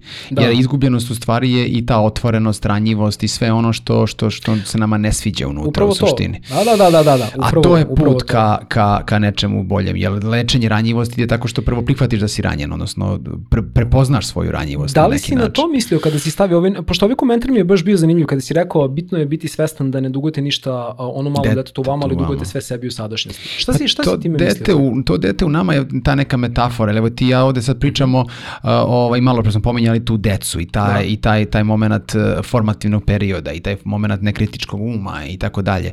Uh, to je dete koje uh, je u jednom momentu postalo odraslo i po godinama i po tim nekim granicama i po svemu i po biohemiji u mozgu i svemu živom. Znači više se ne razvija mozak u tom smislu i uh, uh, ostade to dete u nama. I to je često ono kad ja čujem kad klijenti kažu ja se našalim, kažu ovaj, joj ne znam šta ću sam sa sobom. Ja se našalim pa kažem jel to znači da nas ima dvoje. Ovaj, Što je u stvari tačno, jel u svakom od nas ima to dvoje. Ako ništa nosimo to dete malo, tako mm. kako je skapiralo neke životne stvari uverenja i nosim ovog današnjeg koji se u suštini bori protiv njega, ne znam šta će s njim, a ne bi trebao da se bori, ovaj, trebali bi da se ne ujedine i da u stvari ovaj stari uteši ovo mlađe. Mada tu imaju sad oprečna neka, neka mišljenja kako malo počinje da istražujem, sad su ovaj, ovaj, vratili su, vraćaju sve ove sad neke eksperimente u, u Americi koji su ranije bili zabranjeni. Da, jedno tipa? vreme. Koje, pa ne znam, od ovih magičnih pečurki, mikrodoza i tako tih stvari Aha. počinju u, u, u praksi, odnosno u psih, psihijatrijskoj praksi se traže te mikrodoze koje će u stvari yes. da reše neke probleme depresije mm. na mnogo bolji način nego ova paleta lekova koja trenutno postoji, mada i ona sad neka, jel, napredovala je u odnosu na yes. one nekada koje su se koristile, yes. ali, ovaj, ali uh, ima ih tih, ti si, ti si to istraživo sa, sa ovim nekim drugim gostima koji su koji to mnogo bolje bilo znaju. Bilo mi je Maja da pričali smo baš o primjeni, da, i o, o primjeni psilocibina u terapeutskim svrhama. Ona jest. je baš rađeno bilo istraživanje poređeno sa estilopranom, lekom. Psilocibin u odnosu na estilopran. To su te Tako da, istraživanja koje, da, koje meni su... je jako žao što je tih 50-ih, odnosno 60-ih bio proglašen taj rat na droge i što su zapravo, um, drug, pričamo o drogama, što su te neke stvari koje su došle iz prirode, koje tačno rade na jedan vrlo određen, specifičan i dubok način sa čovekom, bilo karakterisane kao nešto što je ravno kokainu, heroinu i tako dalje, što nema nikakve veze, jer kao sam primer, imamo list koke i imamo kokain. To je bukvalno to, to, to je toliko ni nepovezivo u smislu šta tebi yes. daje čaj od koke ili koku koju si se žvakao, da, u smislu da. koja ti pomaže da ti kiseonik dođe do, do mozga na velikim visinama i da ti zapravo jača imunitet, da te čini otpornijim na određene mm. stvari u odnosu na to da si ti ludak koji u nekom hajpu, koji je bukvalno ono, u, u, ulazi u tu jednu Tako mentalnu je. maniju. U stvari, meni je drago što se sad posle svih tih godina, tajde možemo, ovaj, mislim sa razlogom se zove prirodna medicina, vraćaju kliničke uslove gde od uvek i trebalo da bude. Jest, tu je, tu je i primjena, kao i svi biljaka. Da, Sve da, današnje lekove koje koristimo u suštini to. su, masa njih ima i biljno porekla, samo ovo sintetički je proces, yes. a u stvari su saznali za to tako što su uh, koristili biljke, ali problem, problem je večita bila gde su doze. Jer, da, upravo, naravno, jer mi da, smo da, da, ljudi, da. jel, i onda su yes. tu sad tražili kako da nađeš ti idealno, to, je, to, je, to nije uopšte lako i taj inženjering je stvarno fascinantan fascinantan yeah. kako ti napraviš neku tabletu koja zaista svim ljudima na ovom svetu ovaj ne, ne znam spreči yes. glavobolju ili ili ti je lakše pa pa ne osjećaš više glavobolju, a nisi ga ubio time, nisi mu napravio štetu ili nisi dugoročno pravio štetu i tako dalje. Mislim da zato sada i ta istraženje u tom smeru zato što jel sve na ovom svetu kao što sam malo pre rekao i u pravoj dozi leku, u pogrešnoj dozi otrov. Jeste, to nema priče. Ovaj a, a, tako da i, i ovaj smer mi ide kad kad dobro kad ali šta sam u stvari teo da kažem. A, postoje nekakve u, u tim hal, halucinogenim momentima koji su mm korišćeni u tim nekim ovaj uh, uh, pa više to kroz neke šamanske šamanske rituale. Mm -hmm. Ovaj uh, neki ljudi koji su navodno opisivali to jel poboljšanje mm -hmm. psihoanalitičkih problema uh, iz prošlosti u tom odnosu između deteta i sebe. Mm -hmm. Dosta sam čuo tih uh, uh, metafora odnosno halucinogenih slika da. gde upokojavaju dete u sebi. Mm. To sam puno sam čuo da da da da njih imalo uh, uh, uh, dosta takav efekat. U kom smislu upokojavaju? Pa na primjer to je nek, nekakva jel ovaj kako se zove, halucinacija u kojoj ti vidiš da to dete umire ili nestaje u neku zemlju ili propada ili ovo ono, a ti zanimljivo. ne možeš da mu pomogneš i, a, i to zanimljivo. te jako, jako, ti, ti hoćeš, pokušavaš, ali ne možeš i onda se na neki način miriš s tim da ono nestaje. Uh mhm. -huh. Jer e, u suštini nama glavni problem je da pustimo to dete. Mm. Da, da, ono, da ono ne postoji u nama. Mi nećemo, mi nećemo da ga se odreknemo. To je ono što je kakvo god da je ono. Neki ono sa puno trauma iz prošlosti ili sa manje trauma mi nećemo da ga pustimo. I negde ta halucina, halucinacija mi je negde baš otvorila ta neki, o, ne meni, mislim nisam ja probao, nego jel kad sam čuo da su imali ovaj, ljudi, mi je negde kao metaforično imala tu neku logiku, simboliku, zbog mm -hmm. koje su oni posle toga promenili pogled na mm -hmm. celu tu svoju situaciju unutra. Mm -hmm. A, opet s druge strane, ono što se kroz psihoterapiju, ono što se kroz neku popularniju psihologiju, a opet naslanjajući se na neke drevne spise na budizam, na mhm. Konfučija i tako dalje, drugačije se obhodi prema to detetu. Dobijaš nekakve instrukcije da te drugačije se obhodiš to dete i to je smiri dete u tebi, ali to je ipak dete. Hmm. Mislim, uh, uh, to je jedno ucveljeno dete koje ti plače, koje vrišti, koje je neutešno, onda kada ga nešto danas trigeruje u, u spoljačnoj sredini, što podsjeća na nešto iz prošlosti ili je ono povezalo da je to to, ono ispred nas odreaguje. Ono poče da plače, poče da vrišti i tako dalje. I ima ona Konfučija rečenica dođi moj strahu, sedi pored mene da te pomazim po glavi i zagrlim. Mm. To je slično sa tim detetom u sebi. Mi mu to ne dajemo. Redko ko ima taj mehanizam da kada to dete počne tako da reaguje u nama, da, ga, da, da to malo negde normalizuješ, da to prihvatiš, pustiš da dete sedne pored tebe, zagrliš ga i smiriš ga. I onda situacija bude bolja. A šta mi u stvari radimo? Mi se svađamo s tim detetom, mi hoćemo da ga ugušimo, mi hoćemo da ga gurnemo od sebe, da prestane da plače. Kao i sa decom ovako. Ono plače, vrišti, tebi cilj kako da prestane da plače da vrišti. Umesto da staneš pored njega i da uvažiš to njegovo plakanje i da ga zagrliš, pomaziš, da napraviš nešto drugačije.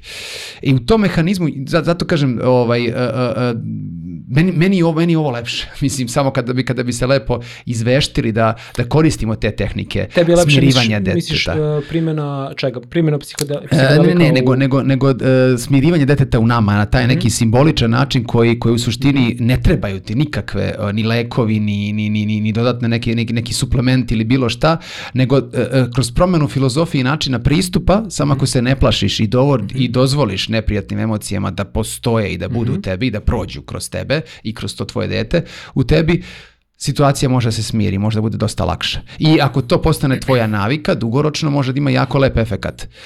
Ovo što se drugo traži je, mislim, mi težimo tome, jel da nešto sa strane ubacimo, pojedemo, magična pilula, ovo ono, ne bi li nam taj proces ubrzala. Malo mi to uvek zvuči kao i malo odgovornosti od tebe. Uh, odnosno skidanje odgovornosti sa sebe u neku, u neku ruku. Ja, ja sam tako kritičan i prema lekovima današnjim iz današnje medicine. Tako je, daj da mi pomogne nešto s polja. Daj, popiću Jest. svaki dan jele tabletu protiv Jest. glavobolja, ja neću Jest. stati i pogledati zbog čega Jest. imam glavobolje. Stani, šta, kakva je moja navika, šta ja to radim? Čačkam telefon do 3 ujutru svako večer, pa da, zato da. me boli glava. Tako je, tako Znaš, je. Zahvala sam ti što si otvorio ovu temu i imam tu sad baš onako jedno pitanje sa strane. Da li bi ti kao neko ko je psihoterapeut, odnosno kao neko ko je psihonaut, bio otvoren za psihodelično iskustvo u kliničkim uslovima? Pa naravno, to samo mora da bude pod, pod, pod strogom kontrolom, tačno ne, ne, da se znaju da, tačne da li, bi, doze. Da li bi ti volao da prođeš kroz to iskustvo? A da prođem kroz to iskustvo? Pa ja nemam, ja nemam te, te neke, uh, uh, ja sam dugo radio i psihoanalizu ovaj, mm -hmm. uh, i tako dalje, ja nemam te neke momente trauma nekih specifičnih trauma prevelikih, Dobro. ovaj, zbog ali, koji ali bi... ne, ne iz mesta isceljenja traume, nego iz mesta istraživanja A, kao, da li, bi, da li bi probao? Da, da, da. da, pa, da, da. Ja, ja sam neko ko je free controller.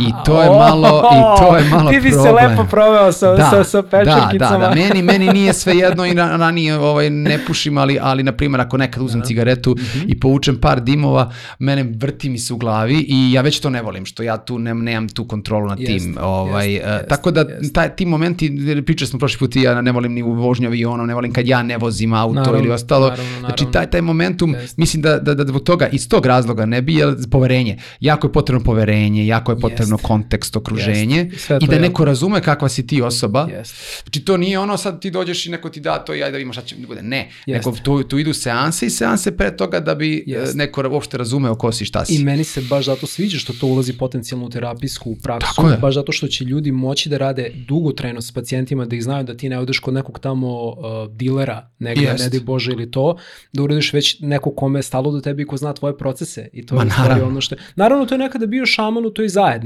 ali onda naravno te, sad upravo to, mi moramo da razumemo i da te neke tradicije iz koje, iz koje nam dolazi, recimo prirodna medicina su vezane za vrlo određene zajednice. Da. Lju, bukvalno zajednice ljudi, ne da, da, da. u maloj regiji, gde se svi znaju, gde prosto znaju ljudi kroz kakve, upravo to. I to je neka vrsta terapijskog okruženja. Tako je, tako je, tako da. je, tako je. Tako A mi smo u gradovima otuđeni i nama to dolazi iz ko zna kakvih kanala i u stvari je to ono što je problem. Jest. A, da. Uf, vole bi jednu celu epizodu da posvetimo tome zato što je to definitivno nešto što će se dešavati u budućnosti meni je jako drago zbog toga. Hoće, da, mislim, to, to će biti uh, uh, ovaj, kao što da. sad, ne znam, kupuju ljudi bromazepame i sve ove neke, neke raznorazne lekove, kupovaće ovako, odnosno neće da. kupovati, nego će dobijati prepisane i piće i sami kući pod svojim okruženjem. Neće, neće biti, za početak će sigurno biti u kliničkim ustavima i tako dalje, ali kasnije će da, to da, biti da. u nekoj velikoj primjeni, što je opet problem zloupotrebe i tih Just. nekih stvari što, što se dešava i sa ovim lekovima danas. Lekcija broj 9. Kritičko mišljenje, odnosno kognitivno behavioralno razmišljanje. E, na neki način za ove teme o kojima pričamo neophodno da imamo kritičko mišljenje. Tako je. Upravo smo ga, ti si ga skicirao još na početku ovog razgovora. Volio bih sad znači malo još da te pitam u vezi tog kognitivnog behavioralnog razmišljanja. Šta ono zapravo podrazumeva i u kom smislu bi nam to recimo značilo da smo ga naučili u školi? Eh, od prvog razreda. Mislim, ne može možda dete od prvog razreda da to shvati, ali kad već neko proceni kad bi možda najbolje bilo, da. A, a, kognitivno behavioralna terapija je prosta u smislu onog osnovnog koncepta na koji se ona oslanja. Da, evo za ljudi koji prvi put čuju šta da, je pravila je razliku u odnosu na ono što je do tada bio pristup u, u, u psihološkom ili psihijatrijskom načinu lečenja, tom freudovskom, jungovskom i tim, i tim ostalim, gde se više radila psihoanaliza i to produbljivanje i tako dalje, gde je, što je super za znanje, što je super za teoriju i na- zahvaljujući tome imamo sve te knjige koje, koje je Freud ostavio i tako dalje i svi njegovi naslednici, ali e, e, pošto su radili sa teškim slučajevima, oni nisu bili baš tako, e, e, nisu se mogli ponositi svojim rezultatima e, e, poboljšanja kvaliteta života ljudi, doduše nisu radili sa neurotičnim problemima toliko koliko su radili sa teškim psihotičnim problemima. Međutim, neko je to negde shvatio, jel? I zahvaljujući tom znanju je napravio neke ostale tehnike, zato danas imamo nekih zvaničnih preko 70 ili 100 modaliteta psihoterapeutskih koji koriste u stvari samo različite tehnike. Ali prva neka osnovna je bila kognitivno behavioralna. Iz nje, s njenog aspekta i njenog nekog znanja su se dalje razvijala nekakve, nekakve tehnike. A, prosto ako zamislite, imamo, imamo draž iz poljaše sredine imamo a, a, a, a, nekakvu misao, sve jedno. Znači može bude neki uticaj iz poljašnje sredine, znači neko sad meni rekao nešto, jel, iznervirao me, odnosno rekao mi ružnu neku reč, ili se nešto desilo pukla bomba, nešto napolju palo i tako dalje. Znači, bilo šta što može iz poljaša sredine danas, da, ili neka naša misao. Znači, može i naša misao. Ti si glup i nikad nećeš uspeti. Samo odjedan put dođe. To je jedan aspekt. I to automatski udara u naše emocije. Znači, to je direktan udarac na naše emocije u mozgu. I kreće naša reakcija, jel? Emocionalna reakcija. A ta emocionalna reakcija e, je isto prirodni efekat, do duše. Zavisi kakva si osoba, zavisi kakav si karakter, zavisi kako si formiran, znači ono što smo rekli genetika plus ono što je s polja i ti negde prirodno manje više emocionalno odreaguješ na to, jel? Puklo je nešto napolju, uplašio sam se. Sad zavisi kako se uplaši. Neko će da se uplaši malo, neko će da tu ispaniči i tako dalje. Ili neko mi nešto rekao, pobesneo sam u tom trenutku. Znači, to je druga reakcija. Od te reakcije broj 2 ide treći deo i samo ta tri dela postoje. Znači, draž, emocija i ponašanje, odnosno naša reakcija na šta? Na emociju. Može i na ovo prvo, ali češće je naša reakcija u stvari na emociju. I e, šta mi u tom trenutku radimo, jel? Ili taj što nam je rekao to, pobijemo se s njim, ili mu vratimo istom merom, ili ćutimo, ili mu nekomu kaže neku lepu reč na, na sve to. Ima i takvih situacija sigurno. Ovaj, ili ne znam, bomba pala, uplašio sam se, pa sam zahvaljujući tome odmah krenuo da nešto bežim ili ne znam nije šta da radim, ili sam ostao paralisan i tako dalje. Ali za sve je to odgovorna naša reakcija, znači behavior, to je, to je taj deo, znači ponašanje. Kakvo je naše ponašanje i Zašto se zove kognitivno behavioralna terapija? Zato što pokušava na kognitivnom nivou, znači na razumnom nivou da prevede ono što emocije govore. A ne da, od, ne da pusti da se emocionalno odreaguje na taj aspekt. To je, to je ono što je stalno problem, to je životinsko. Životinsko se sastoji samo iz ta dva dela. Znači, draž s polja, na, napojma će me pojede, tuci ga ili beži. To, to je prosto, jel? A ovde sa razvojem neokorteksa mi smo dobili i ovaj kognitivni deo koji pokušava da tu nete uspostavi taj deo. Međutim, taj neokorteks je mlad, nedovoljno razvijen, još uvek evolutivno nisu u sinhronicitetu emocionalni mozak i, i ovaj kognitivni mozak a, i zato mi tu negde i kasnimo, zato su reakcije često neadekvatne i tako dalje. Ali na kom segmentu mi možemo da menjamo uopšte proces svega ovoga? Možemo da menjamo ove spoljašnje draži teško. Ako je pala bomba, pala je. Mislim, šta, šta sad radim, jel? A ako mi je neko nešto rekao, ne mogu ja da promenim tog čoveka. A misao, ajde tu, 50-50, može sa mislima da se radi, postoje razne tehnike, postoje meditacija, postoje, ali to nije dugoročno, jer će uvek, pazi, 90.000 misli svaki dan čoveku prođe kroz glavu, nije to mala brojka i ne možeš svaku Ko da... tu izbrojao, brate? Ne znam, ne znam, imaš to kod, kod dispense, čini mi su neke njegove da, knjiga, da, ne, ne, okej. ima, ima Da, da, dole da. fusnota, Da, ovaj, da, odakle mu da. taj, taj eksperiment, Da, da, da. ali 90.000 stvarno je neka brojka, ono ludilo. Da. Ovaj, I sad je to triggeralo neke emocije. Znači, ne možemo da menjamo taj deo. Možemo da menjamo na emocionalnom deo, nivou alkohol, droga, uh, lekovi na kraju krajeva, kratkoročni efekti. Kratkoročni efekti, to što ćeš ti da umrtviš nekoga da bude dobar, jel, pa će onda posle dva dana se ponovo vrati na svoje, nije, znači, ni na tom nivou nije pametno ovaj, uh, delovati, na kom nivou jedino jeste na nivou ponašanja. I to je jedino da mi možemo, i tako i nastala kognitivno behavioralna terapija u smislu da se ojača ta disciplina ponašanja, pre svega kroz razumevanje emocija, i razumevanje situacija i traženje adekvatnog, adekvatne reakcije na sve to. Nekada je emocija toliko jaka, toliko burna, da nam je potrebno par nekih koraka da je prvo smirimo, nekada je zaista toliko to jako kod čoveka, ti anksiozno panični napad i tako dalje, da je nekad potrebno zaista da se taj simptom nekako smiri, da li će neko koristi lekove ili ovo ili ono, pa tek onda iz te baze da napravi tu, tu promenu o kojoj mi pričamo.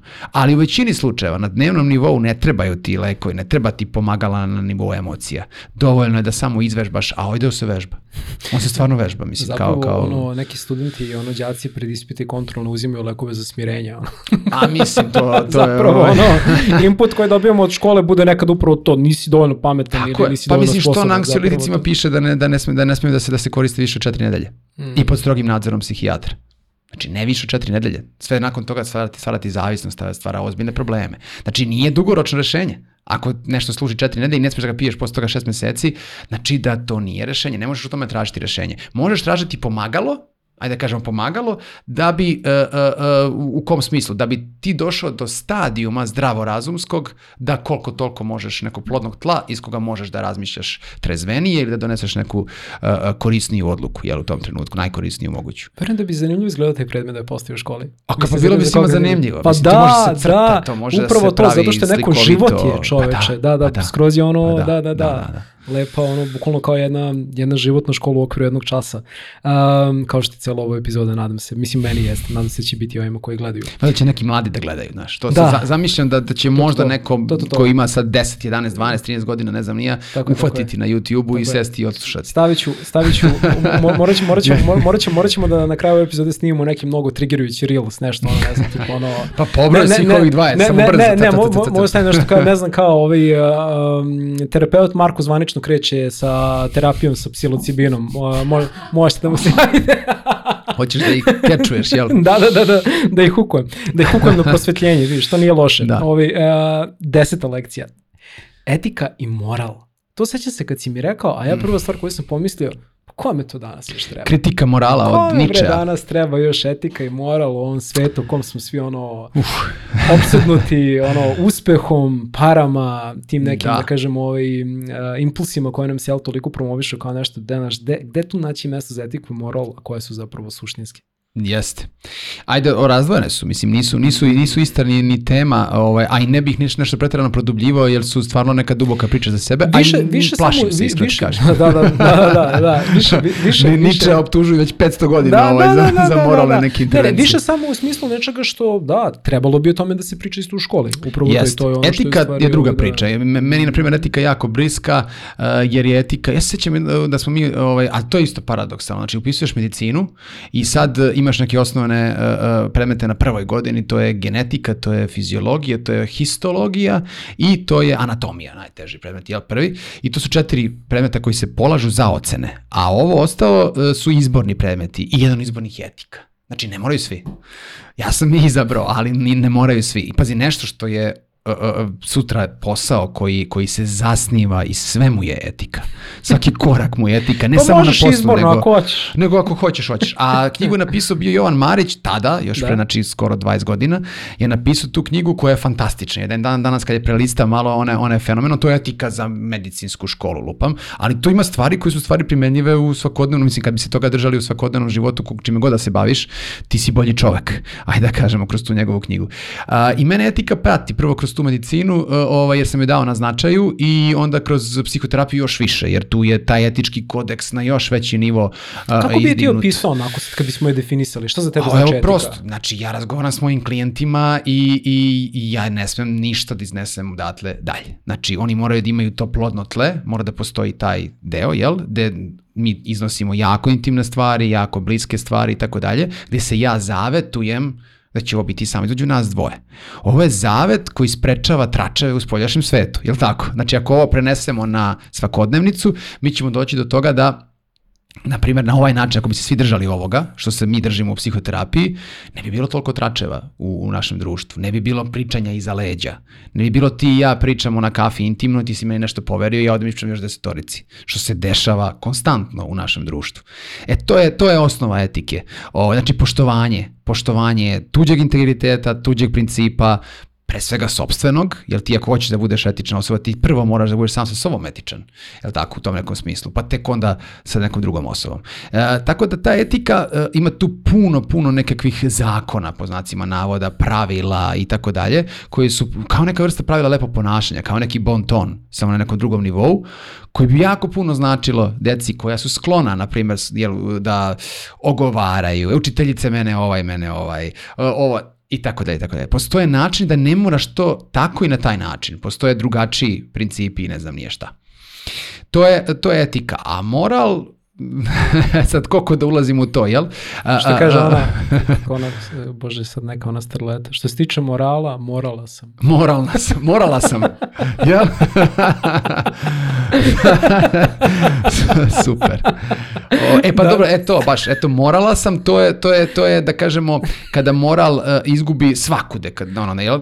svaki mogući ono da postoji. To mu je suprotnost. To je, pa možda ne, to je neka da. vrsta i anarhije i ne znam nija čega, jer moral jeste izmišljen kao morali kao reč ili kao nešto što, što se poštuje, da ne bismo došli do tačke anarhije. A što si rekao da, se, da, da te moral, mislim da te ta tema plaši? Pa, jesi čitao ovaj kritiku morala od Iniča? Mislim, Zanima me, jesmo, kao jasno što, mi je da, da, da, šta, da, da, ako se dohvatimo tih situacija, ko je sve kroz istoriju koristio moral da bi manipulisao uh, uh, širokim narodnim masama. Mm -hmm. Je li tako? Znači, moral je smišljen kao ne, nešto što je uh, iz dobre namere, navodno, jel? Ne ubi, ne kradi, ne uradi ovo, ne radi ovo i svi ćemo se složiti da je to dobro, Jeste. ali nije dobro u konceptu ako to neko koristi da zauzda nekoga ko će jeste, tako da se jeste, ponaša. Kao alat To je ono što je Nietzsche hteo da kaže da, da, i da. naravno da. dobio salvu, ono, jel, kritika od strane uh, tadašnjih uh, ovaj, crkve i tako dalje i ostalo. Da, koja je apsolutno to koristila za manipulaciju. Koja je koristila za manipulaciju da, da. i danas se isto to negde, negde koristi za manipulaciju i samo na nekim visokim nivoima, nekim drugačijim nivoima.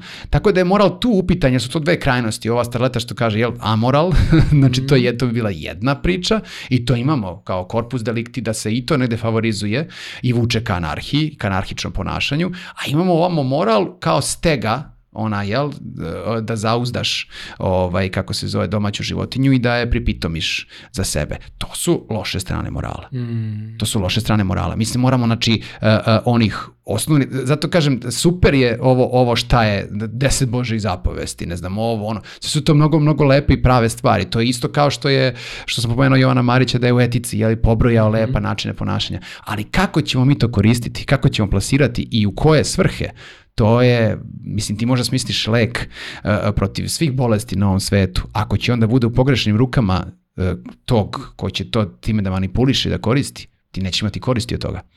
To je ono što je problem. Znači, moral je dobar, ali za moral treba obuka za moral treba, e, e, e, ne znam, ono, instrukcije. Za moral treba odluka, da, sviđa mi se to. Upravo to. Da, jer odnosi se i na kontekst u kom se primenjuje i ti moraš da budeš vrlo introspektivan i perceptivan da bi, da, da, bi, da bi shvatio da li ti služi... Znaš šta hoću da kažem? I, ili si moralan kao osoba, mm -hmm. a ne iz manipulativnih razloga u smislu zato što mi treba neka korist. Pa to je ono što bi trebalo, da, kad pričamo sad o primjenju školskim uslovima, upravo to, na, naš, bitno je da si ti u sebi, Upravo to, da, se to, da, da zapravo to nije neki spoljašnji fenomen, to Tako je tvoj unutrašnji fenomen. Tako je.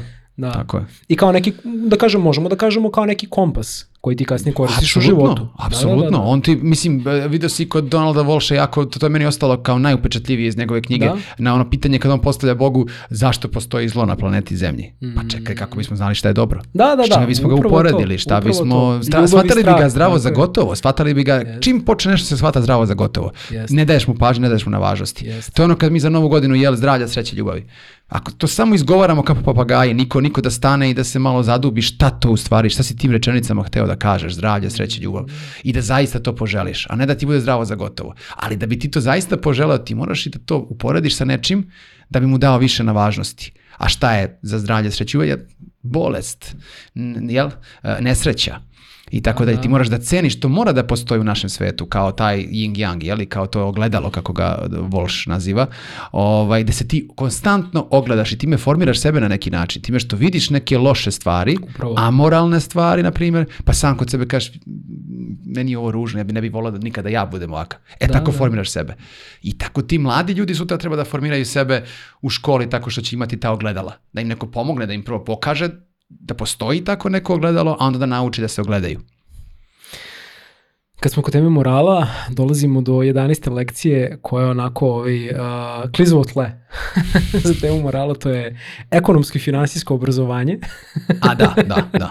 koje je trebalo da dobijemo jel, kroz matematiku. Uh, ti si mi baš rekao jednu super stvar, kaže to, vidiš kao kad pričamo o školi, niko nas bre ni uče ni jevrejskim vrednostima. ja ih nazivam da, jevrejskim da, vrednostima. Da, da, ja onako sećam se kao rekao, pa jeste bre, da, da, kao da stalno nešto, eto ti jevreji svuda su nam naš u medijama, filmovi, režiseri, ali znaš kao, čekaj bre, mi ne učimo toliko vrednostima tih ljudi. Uh, tu dolazi, sad, uh, sviđa mi se što kroz ovaj razgovor neko ima priliku da referiramo i neke izvore, neke knjige. Sećam se kao koliko meni kad sam prvi put pročitao Bogati otac i romašni otac od Kiyosakija, kako to je bila ona sjajna knjiga, jer upravo to on čovek isto on je kao dete došao bio u školu i kao ljudi, kad će mi da krenemo da učimo o parama?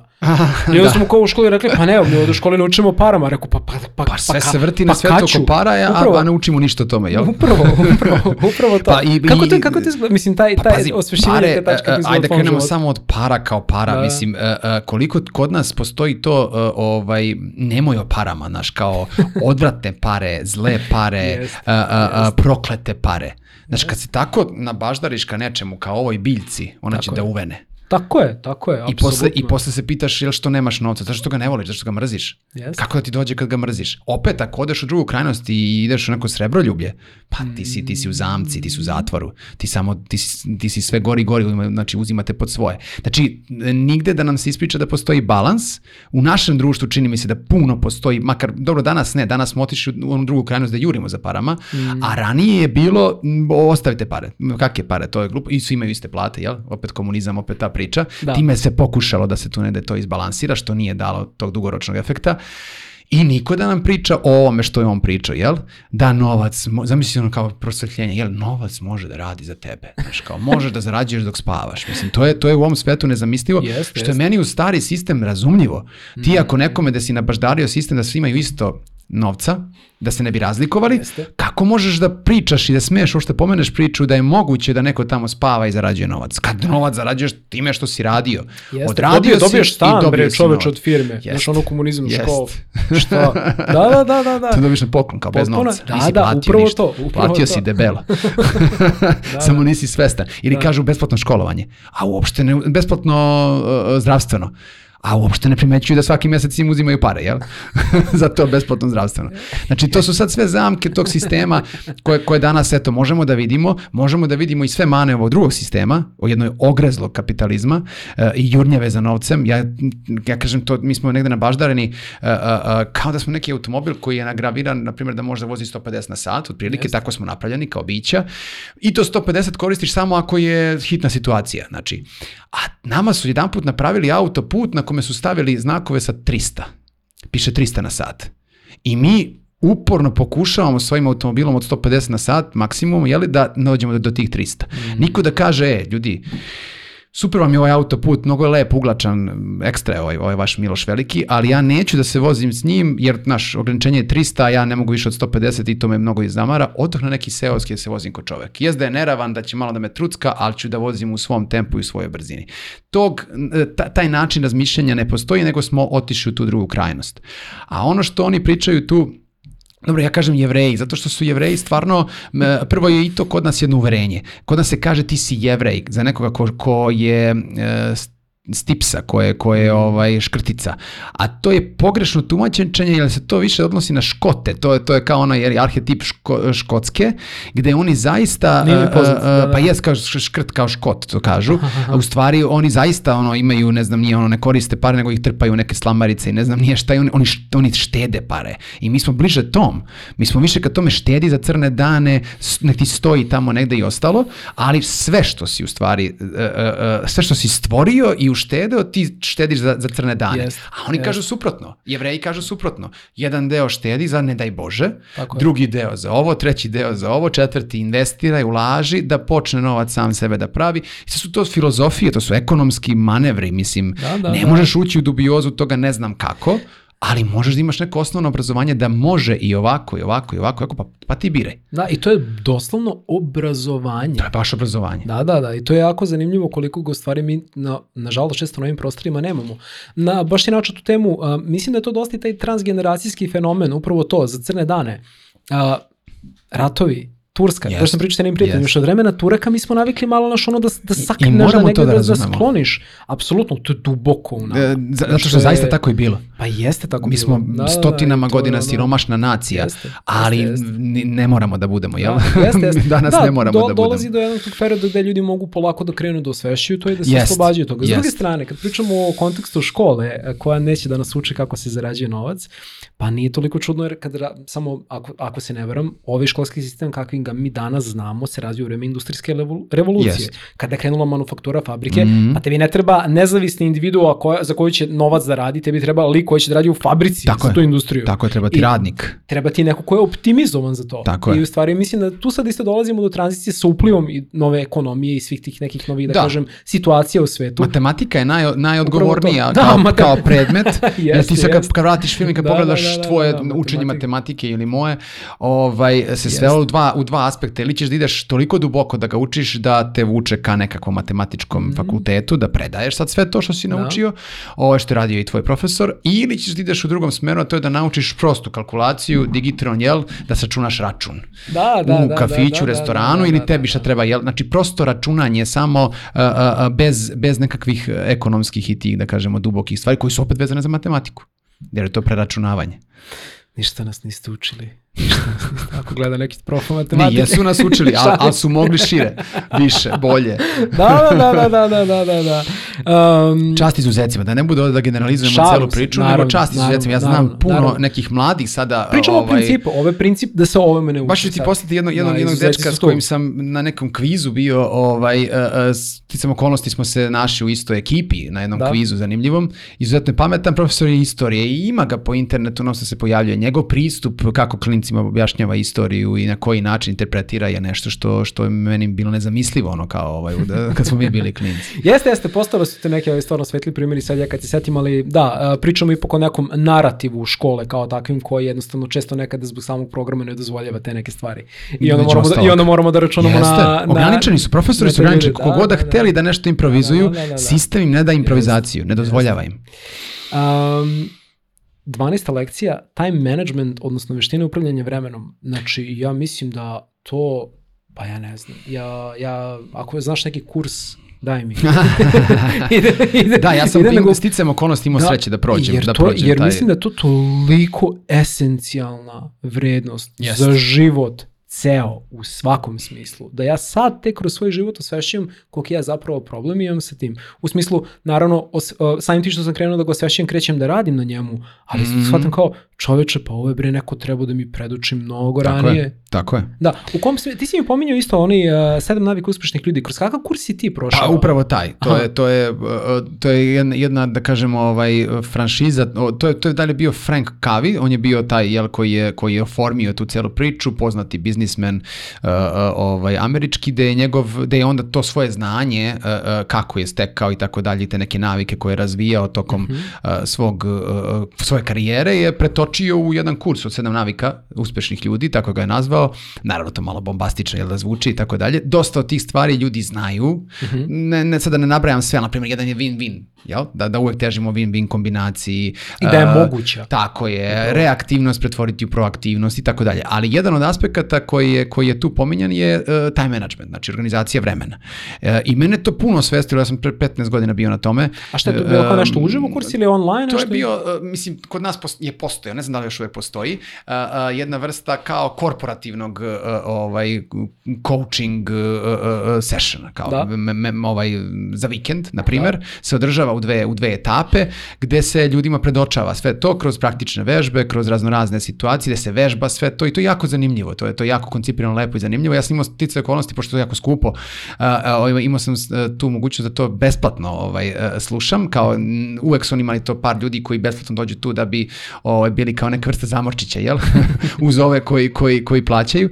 Ovaj, I zahvalan sam na tome jer sam mnoge stvari, najviše sam zahvalan na, na ovom time managementu, jer sam u tom momenta promenio stav gledajući u vreme. Jel, onda sam shvatio koliko, koliko stav, svoj stav prema, prema vremenu. Šta si naučio? A, da se vreme jedino ne može kupiti novcem. da sve možemo kupiti novcem osim, osim vremena.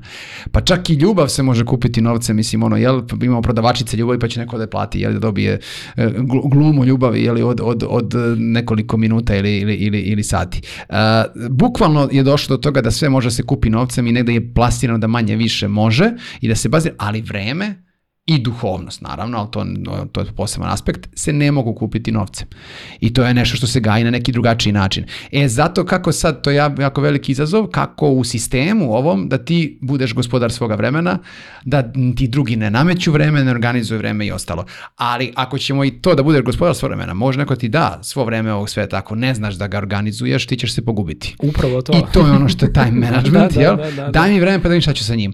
Uh, on je jako lepo to podelio, to može da se nađe, to, to je ovako u četiri kvadranta je podelio varijante to, tih vremen, odnosno kako mi vreme koristimo. Uh mhm. -huh. Jedan kvadrant je uh, onaj koji oduzima svima nama najviše vremena.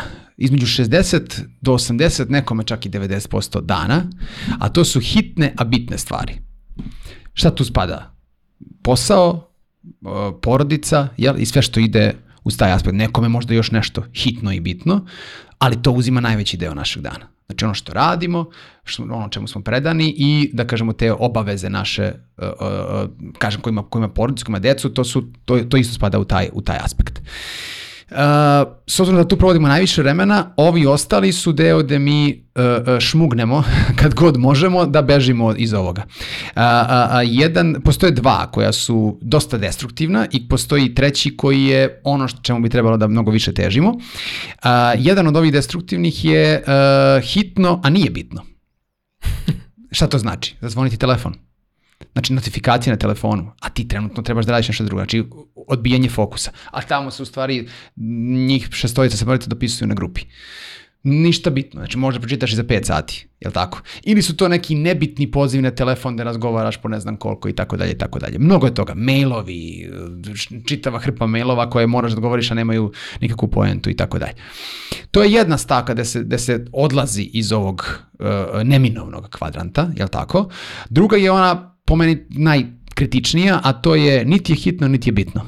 Znači, scrollovanje po društvenim mrežama, igrice na telefonu i tako te stvari. Slažem se da to nekad može bude zabava, ali to ne bi smelo da uzima više od 5%. 1 do 5% jel, dana bi bilo idealno, a koliko samo ljudi provodi u tom kvadrantu. Da, često pretežno. Pretežno, pretežno. Najviše beže u taj, najviše se beže u taj. To je mm. najveći ono, escape iz, iz ovog hitnog i bitnog.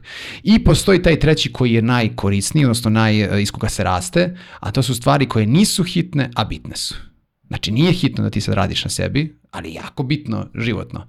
Nije hitno da se edukuješ, da ideš da uradiš neki kurs, da se malo tu poboljšaš svoj posao sebe. Nije hitno, uh, ali je bitno da uh, uh, dovedeš u, red kako se hraniš, kako živiš, fizičku aktivnost, da brineš o sebi, da brineš ti Eto, to sve spada u tom kvadrantu. I sad kad to osvestiš i počneš sebe malo da testiraš i da hvataš sebe koliko si u kom, gde bežiš najčešće, i osvestiš to, grafički ili kako god hoćeš, onda možeš i da menjaš. Znaš, da počneš malo da vrednuješ stvari. Naj, za početak samo zapitati sebe kad nešto radiš, u kom sam kvadrantu?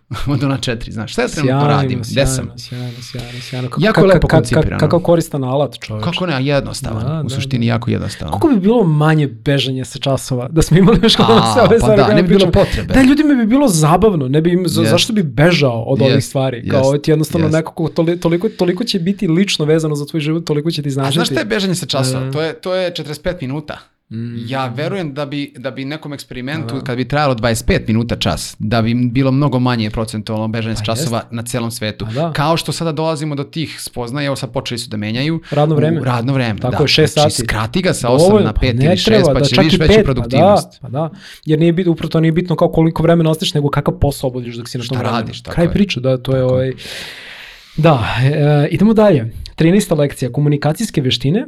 E, učenje nečega što bi evo meni značilo danas, mislim ja sam to nekako spontano osvestio krenuo o tome da radim, dakle javno govora, učenje kako se sluša, nešto što mi takođe mnogo znači za ovaj projekat, mm. neverbalna komunikacija i asertivna komunikacija. Sve su ovo različite kategorije, ali mislim da su veoma bitne i Jest. o njima definitivno naučimo u školi, a trebali bismo. Jest. I to sad stvarno treba da se napravi jedan, a može da se napravi jedan fantastičan udžbenik, može se napravi svašta, ovaj, e, gde će sve to da se potkrepi kroz primere, kroz praksu i tako dalje. Znači ovo, ovo stvarno ima prostora da bude posebna. E, mi to kao kroz srpski jezik i književnost bi trebali, jel? to je kao, ali on se svodi na gramatiku, svodi se na Jest. čitanje, čak se i to interpretacije, čitanje ne, ne dozvoljava da bude slobodna interpretacija, da ja kažem sve najgore ako hoću Ani Karenjini, jel? Ili o, o, o drugim likovima iz te knjige, ako mi se ne sviđa. Ako ću da kažem da je ona ima anksiozni attachment ili ima ovo, zamisli to tako nešto da progovoriš na odgovaranju za, za, za ovaj, ne, ti moraš tamo po, kako je zamišljeno da, da je zaista, jel, kritika tog romana, ti tako moraš da Jest. kažeš. Znači, nema te slobode da ja iskažem kako hoću, na pravi način, a, ne, ne bavi se više, i ne treba to da bude deo srpskog jezika samo, to, to može da bude baš poseban predmet. Komunikologija Pa postoji. jeste, upravo to. Komunikologija, Da, kao, tako kako je. komuniciramo, to će nam biti esencijalna životna Tako veština. je, to mora bude poseban predmet, tu nema, tu Da, nema da, priče, da, da, da. jer, jer je to osnov svega. A, pa ajde da krenemo, naj- najbitnije je slušanje. Mislim da te- treba malo ih poređati ovde, jel? Prvo od Jest. slušanja treba krenuti, jer a, ja sam se često to, o- ovi moji na psihoterapiji, pošto je nama slušanje najbitnija stvar, jer se psihoterapija zaista svede na 70% slušanja, a 20 do 30% observiranja ili, ili davanja direktnih direktiva. A, nam su stalno govorili da moramo da vežbamo aktivno slušanje. I Meni je stalno to bilo, čekajte šta znači aktivno slušanje. Mislim, ka- kakav je to ono, ovaj, malta neko pleonazam, jel? Ovaj, jel postoji pasivno slušanje? Šta znači pasivno slušanje? Jel? Kao slušam te, ali prolazi kroz mene. Znači, ili slušaš ili ne slušaš. Ne postoji između. A, I tu negde treba, mislim, osvestiti i kako se sluša, i tehnike slušanja, koncentracije. A, najbolja tehnika u, u slušanju je da kada ti je nešto odvuklo fokus, a osoba i dalje priča, stati, prekinuti je. Čekaj, čekaj, nešto, nešto mi u ovom, otišla mi misla, stani polako. Ajde, ajde se vratimo Da, na priču. ti mu pokazuješ tu sam. Tako je. Nešto me distraktuo, ali kao zaista pokušavam te slušam. Tako je, tako je. Da, da. I izgubit ću šta si rekao, neću te čuti, mislim, a napravit ću se da sam te čuo. A, a bitno je za ceo koncept ili Da. ne znam nije šta. Poštenije, ne poštenije, nego iskrenije i bolje za tebe je da staneš iskreno i da tu osobu zaustaviš pa da nastaviti. Ili iskreno reći, nije mi dan, nisam ti od koristi sada ovakav. Naš misli su mi totalne, pričat ćemo drugi put ili ne znam nije šta. Ali slušanje je jako bitno. Uh, odatle idemo tek onda ka verbalno neverbalno. Danas imamo i digitalnu komunikaciju koja, koja ima svoje specifičnosti. Uh, jako zna da bude zbunjujuća uh, uh, sa uh, uh, rečenicama gde ne možeš da osjetiš kakva je emocija. Izmislili su smajliće i, i emotikone koji opet nisu dovoljno da, da, da potkrepe tu celu priču. Tako da to je jako speci... A mladi isključivo tako komuniciraju. To je, to je onako ovaj, e, posebna vrsta komunikacije koja zahteva i posebnu obuku, a ne da se, jel, za, tako smo i došli do LOL, JBG i ostalih ovaj, skraćenica, ovaj, raznoraznih, e, do ove verbalne komunikacije za koju mi apsolutno, jel, tri znamo. To je agresivna, to je pasivna, to je pasivno-agresivna i da to smo obučeni još od kuće, preko škole pa na ovamo, a nigde nije pričano o asertivnoj komunikaciji. Znači, koja u sebi podrazumeva... a, Da, a, kako bi definisao asertivnu pa ima ta komunikaciju? neka definicija koja jeste tačna, Da. uh, to je, jel, imam svoje mišljenje, ti imaš svoje mišljenje, ja stojim iza svog mišljenja, negde ga, jel, zdravim granicama branim, ali uvažavam tvoje mišljenje i nemam potrebu da menjam tvoje mišljenje. Ne, ne idem ka tome da promenim tvoje mišljenje, nego da ga razumem što bolje, Ali ostaje mi pri mom. ali ostajem negde i pri mom, preispitujem ga, ali ga negde zdravo ga čuvam i tu smo. Na to je, znači igramo tenis, prebacujemo lopticu. A ne ono, naš igram sam ili je duvam u vazduh ili, ili namerno udaram u mrežicu, ne znam Kako je šta. sad razmišljam, e, kao koliko to je jedino, jedini tip komunikacije koji meni sad delo da ima smisla. Sad zamisli kad si stalno kao, jeste, tako je. I sad neko ko igra taj tenis i ti samo ovako držiš neke dole. I on kao, pa čekaj, pa kao, pa te, tako je. Da, da, da, pa to je, mislim, ti si kao nema fazonu, poente. brate, podigni te A znamo čoveče. kako bi trebalo, Da. jel, kad gledaš dvoje kako igraju tenis, Da. fantastično profesionalci, ti uživaš Da, da, a u to- tom njihovom nadmetanju. Fenomenalna analogija, vidiš, nisam nikada asertivna komunikacija stvari igra tenisa. Da, E, Teniska na utakmica. primer. Da. ali, ali, na primjer, naš, u sportu je ona Da. jako izražena, e, pa, na primjer, neki sportski treneri znaju te veštine, pa koriste sandvič metode u, u, u davanju e, inputa informacije, oni koji znaju i koji hoće da, da rade na tome da budu uspešni. E, I neko će sad kaže da to su manipulativne stvari. Šta nije manipulativno? Mislim, manipulativno zato što smo navikli na ove tri na agresivnu, pasivnu i pasivnu agresivnu komunikaciju, pa nam onda ovaj stil deluje da je agres, da, je- da je manipulativan. Manipulativan, da. Ali nije. Mislim, e, to je, to je, to je tako kad bi svi pričali, bio bi ovaj svet mnogo lepši. Jer zamisli, na primjer, ne znam, igrača koji je u futbolu, na primjer, i sad ne dodaje lopte nikome, sve je sam, uh, ono, solirao celu utakmicu, zbog toga su izgubili 2-0 i ostalo. I sad prilazi trener njemu i kreće svašta da mu govori. Ti si ovakav, onakav, najgori si bio, kako te nije sramota, imaš druge saigrače, to kako se to ponašaš i ostalo. Efekat, katastrofa, skočit će ovaj na njega ili će da, da odćuti, ali nikakvu promjenu dobiti neće. Ali ako mu priđe, na primjer, i kaže, a, slušaj, ti si, ti, si, ti, si, ti si moj a, a, a, glavni šaf u ovoj ekipi. Kad se setim prethodnih utakmica kako si igrao, a, a, a, kako si na onoj utakmici podelio one dve asistencije, zbog toga smo pobedili na kraju krajeva kad pogledam, ovaj, ja znam da ti to imaš u sebi, to smo toliko puta videli, to je, to je, to je prosto fantastično. Šta ti se danas desilo? Je, je, je, je, šta je bio razlog da, da, da, da nekoliko puta sam preuzmeš situaciju, a imao si mogućnosti drugačije? Želiš li da pričamo o tome? I tako dalje, i tako dalje. Ko, ko danas priča ovako na pijaci ili ne znam nija na kući? Da, kao, e, prošli put si imao sjajan paradajz, ovaj, vidim da ti ovaj danas buđev, kao, jel to kao neka francuska fora, kao, za, zašto si on ovaj buđev paradajz danas? Nije si. si primetio, jesi primetio prošli put u kesi gorgonzolu da nosim kao, pa sad mi ne šalješ. da, da, da. Ali priznaj, priznaj koliko, koliko toga nema. Koliko, Da, koliko da, takvih da, načina da, nema, da, nego da, da, direktno da. onako puknemo u lice. Da li je taj spreman da primi iskrenost ili ne? Da, da li je ovaj... Drugo, št- čemu ta iskrenost? To je toksična iskrenost. Ona može da zaboli više nego da mu ne kažeš ništa. Da, upravo to. Um, evo, e, uveo sam pijecu sad u ovu jednačinu, e, to me odlično me uvodi u ovu 14. lekciju koja se odnosi na zdravlje i na wellness. Uh, baš smo Mhm. pričali o tome kao ishrana, mentalno zdravlje i svesnost na mentalnom zdravlju i na prvu pomoć. Uh, generalno Da, da. smo pričali bili upravo to kao tema wellnessa, o tome se isto kao i o hrani, o tome se isto ne priča čoveče.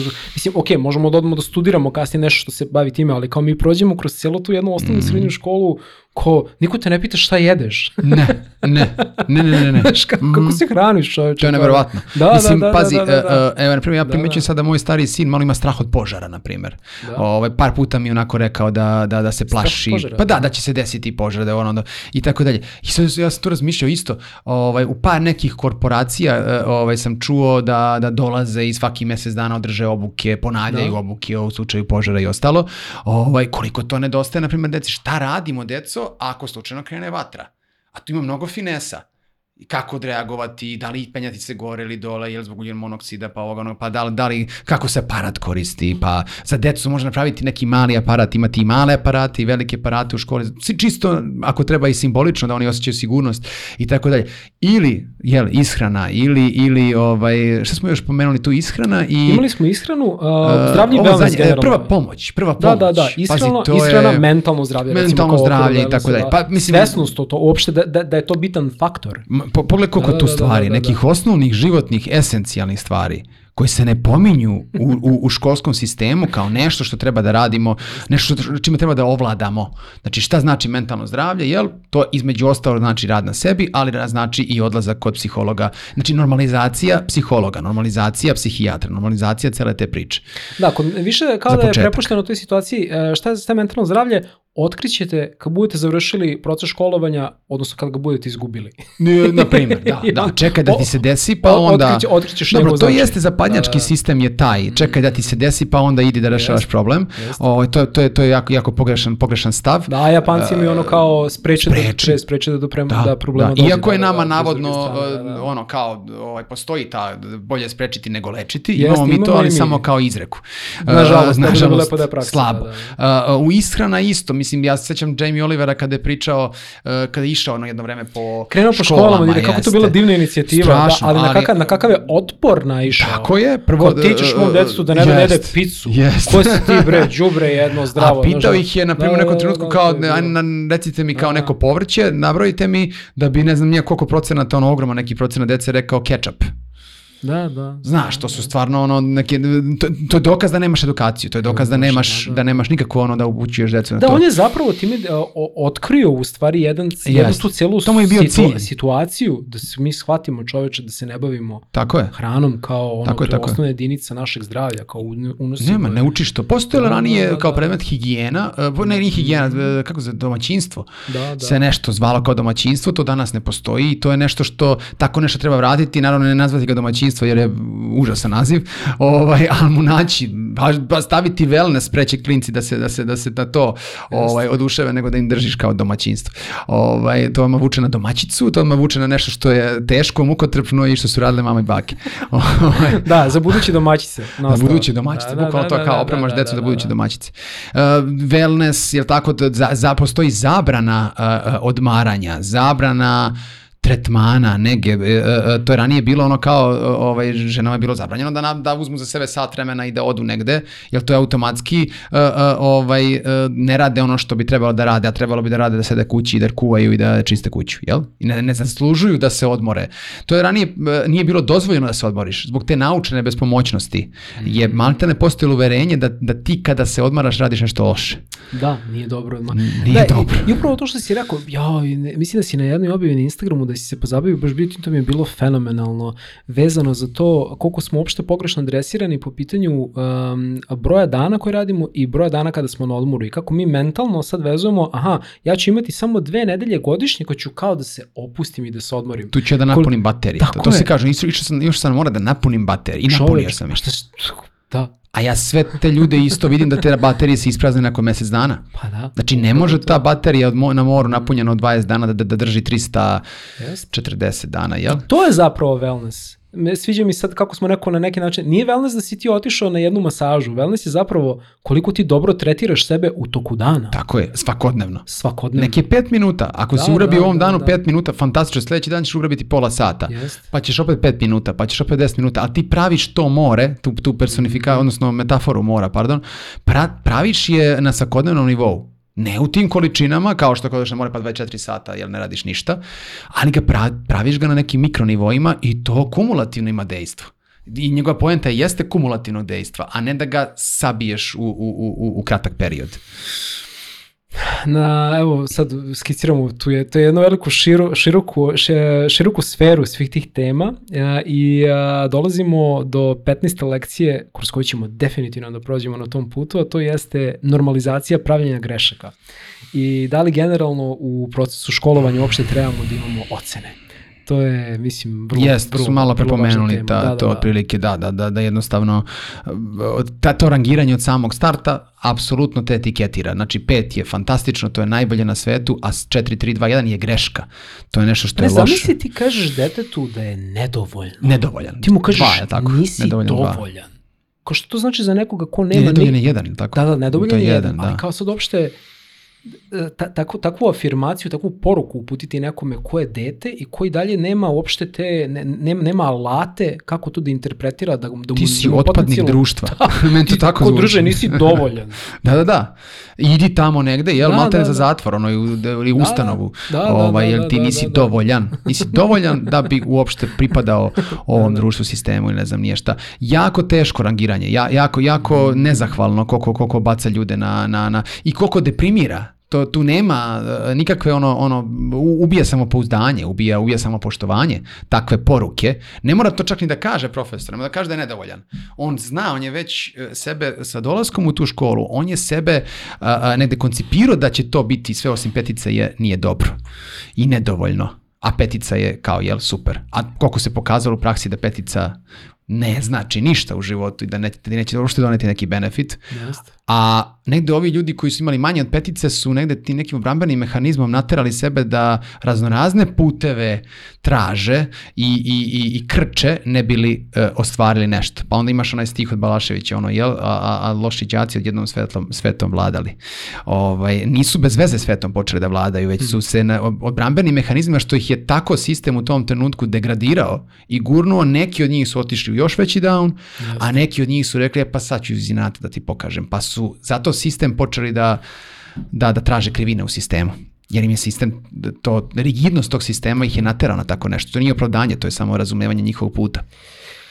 I ta normalizacija pravljenja grešaka, ti si, obradio si to isto baš, ja mislim, kroz neke svoje, uh, kroz neke svoje objave. Uh, koliko u stvari se u školi dovoljno ne, ne skreće pažnje na to da mi učimo kroz proces pravljenja grešaka, kao da to treba da bude da. nešto što je Greška je nešto loše. Da upravo to, Greška je nešto skrapljamo loše. grešku, ja padnem u bedak, kao ne bi smo, moram da budem flawless, moram da budem besprekoran za Boga. da, da. Ja sam skoro Zapravo, pitao moju da, baku koja ima 84-5 godina, koja je taj stari kov uh, razno raznih uverenja i tih priča, ovaj, pitao sam šta ti misliš o greškama, treba praviti greške. Šta kaže baka? Ona, ona kaže, ovaj, uh, treba težiti da treba težiti da se da se izbegne greška svaka greška ovaj, u životu. A, a, kod nje sam primetio to uverenje da, da je greška nešto loše i da, i da, je, da čak i ne priznaje greške koje možda su postojale, jel? I koje su možda bile greške, mm. ne prihvata ih tako, nego, ovaj, kako se zove, ignoriše i gura ih po tepih, ne gleda ih čak ni konstruktivno i onda dolazi do tačke gde je to, jel, kao treba preduprediti sve moguće greške, to je jako opterećujuće. To je energetski iscrpljivo, jer i drugo nije ni prirodno, jer priroda je udesila tako da ti napraviš grešku i ispraviš, napraviš grešku, ispraviš. Naravno, kroz selekciju neku je tu mnogo žrtava bilo, jel? Neko je mora da pojede neko bobiče ovoće da umre, Jeste. da bi ovaj drugi shvatio da to ne treba da jede. Da, ali učiš. Ovaj, ali proces. učiš kroz to da, i to je da, da, poenta da, da. greške što se kroz to uči. I ja stalno pominjem taj, malo jeste metafizički pristup, ali jako lep, a, ovaj, da se shvate greške kao, kao drugačiji koncept. A, a, jel ti nešto što si okarakterisao grešku danas, jel ti tako deluje zbog tih neprijatnih emocija koje ti stvara ili situacije koje ti je stvorila, ali kroz 5, 6, 10 godina možeš ispostaviti da si ti baš tu na nekom dobrom putu i tu da jesi zato što je ova tačka postojala na tom putu. I kako ti onda da gledaš to kao grešku? Ili ajde uzmemo ovakav primjer koji će možda nekima neće biti prijemčiv i shvatljiv, ali, ali ću ga reći, na primjer, ne znam, ti imaš ideš kroz život pa najđeš na raskrsnicu, ima 50 puteva, ti izabereš jedan. Ovako i onako. Nekad si pokušao racionalno, nekad ne, nekad si ad hoc, nekad intuitivno i krenuo si s njom i došao si opet do neke raskrsnice. Takvih raskrsnica je milion. A, ti neko od tih raskrsnica smatraš greškom. Šta bi bilo da se otišao ovim drugim putem koji ti del, deluje iz ove perspektive ili ti deluje ovaj, iz nekog pogleda da je bolji i neko ti kaže, naš, na tom putu si izgubio život na sledećem čvorištu na primjer. Da li bi ti danas gledao na tu situaciju kao grešku ili ne? Hmm. Znaš, uvek bi izabrao upravo ovaj put neki greška sto puta, samo da ne odeš na tu stranu. Iako je taj put izgledao sa mnogo više cveća uh, i, i osunčaniji i ne znam nije šta. Drugim rečima, moramo da promenimo paradigmu gledanja, odnosno taj, taj sam pogled uopšte gledanja na same greške, jer su nas one negde formirale. A greške zahtevaju konstruktivan pristup. Kad se vraćamo na greške, zahtevaju isključivo konstruktivan pristup, da iz njih izvučemo te čuvene jer red flags, crvene zastavice, crvene alarme, čisto da na sledeći put da ne gubimo vreme na nekim koracima koji su nam prethodni put otežali ceo proces. To je jedino kako možemo na grešku da, da negde ovaj, konstruktivnije gledamo.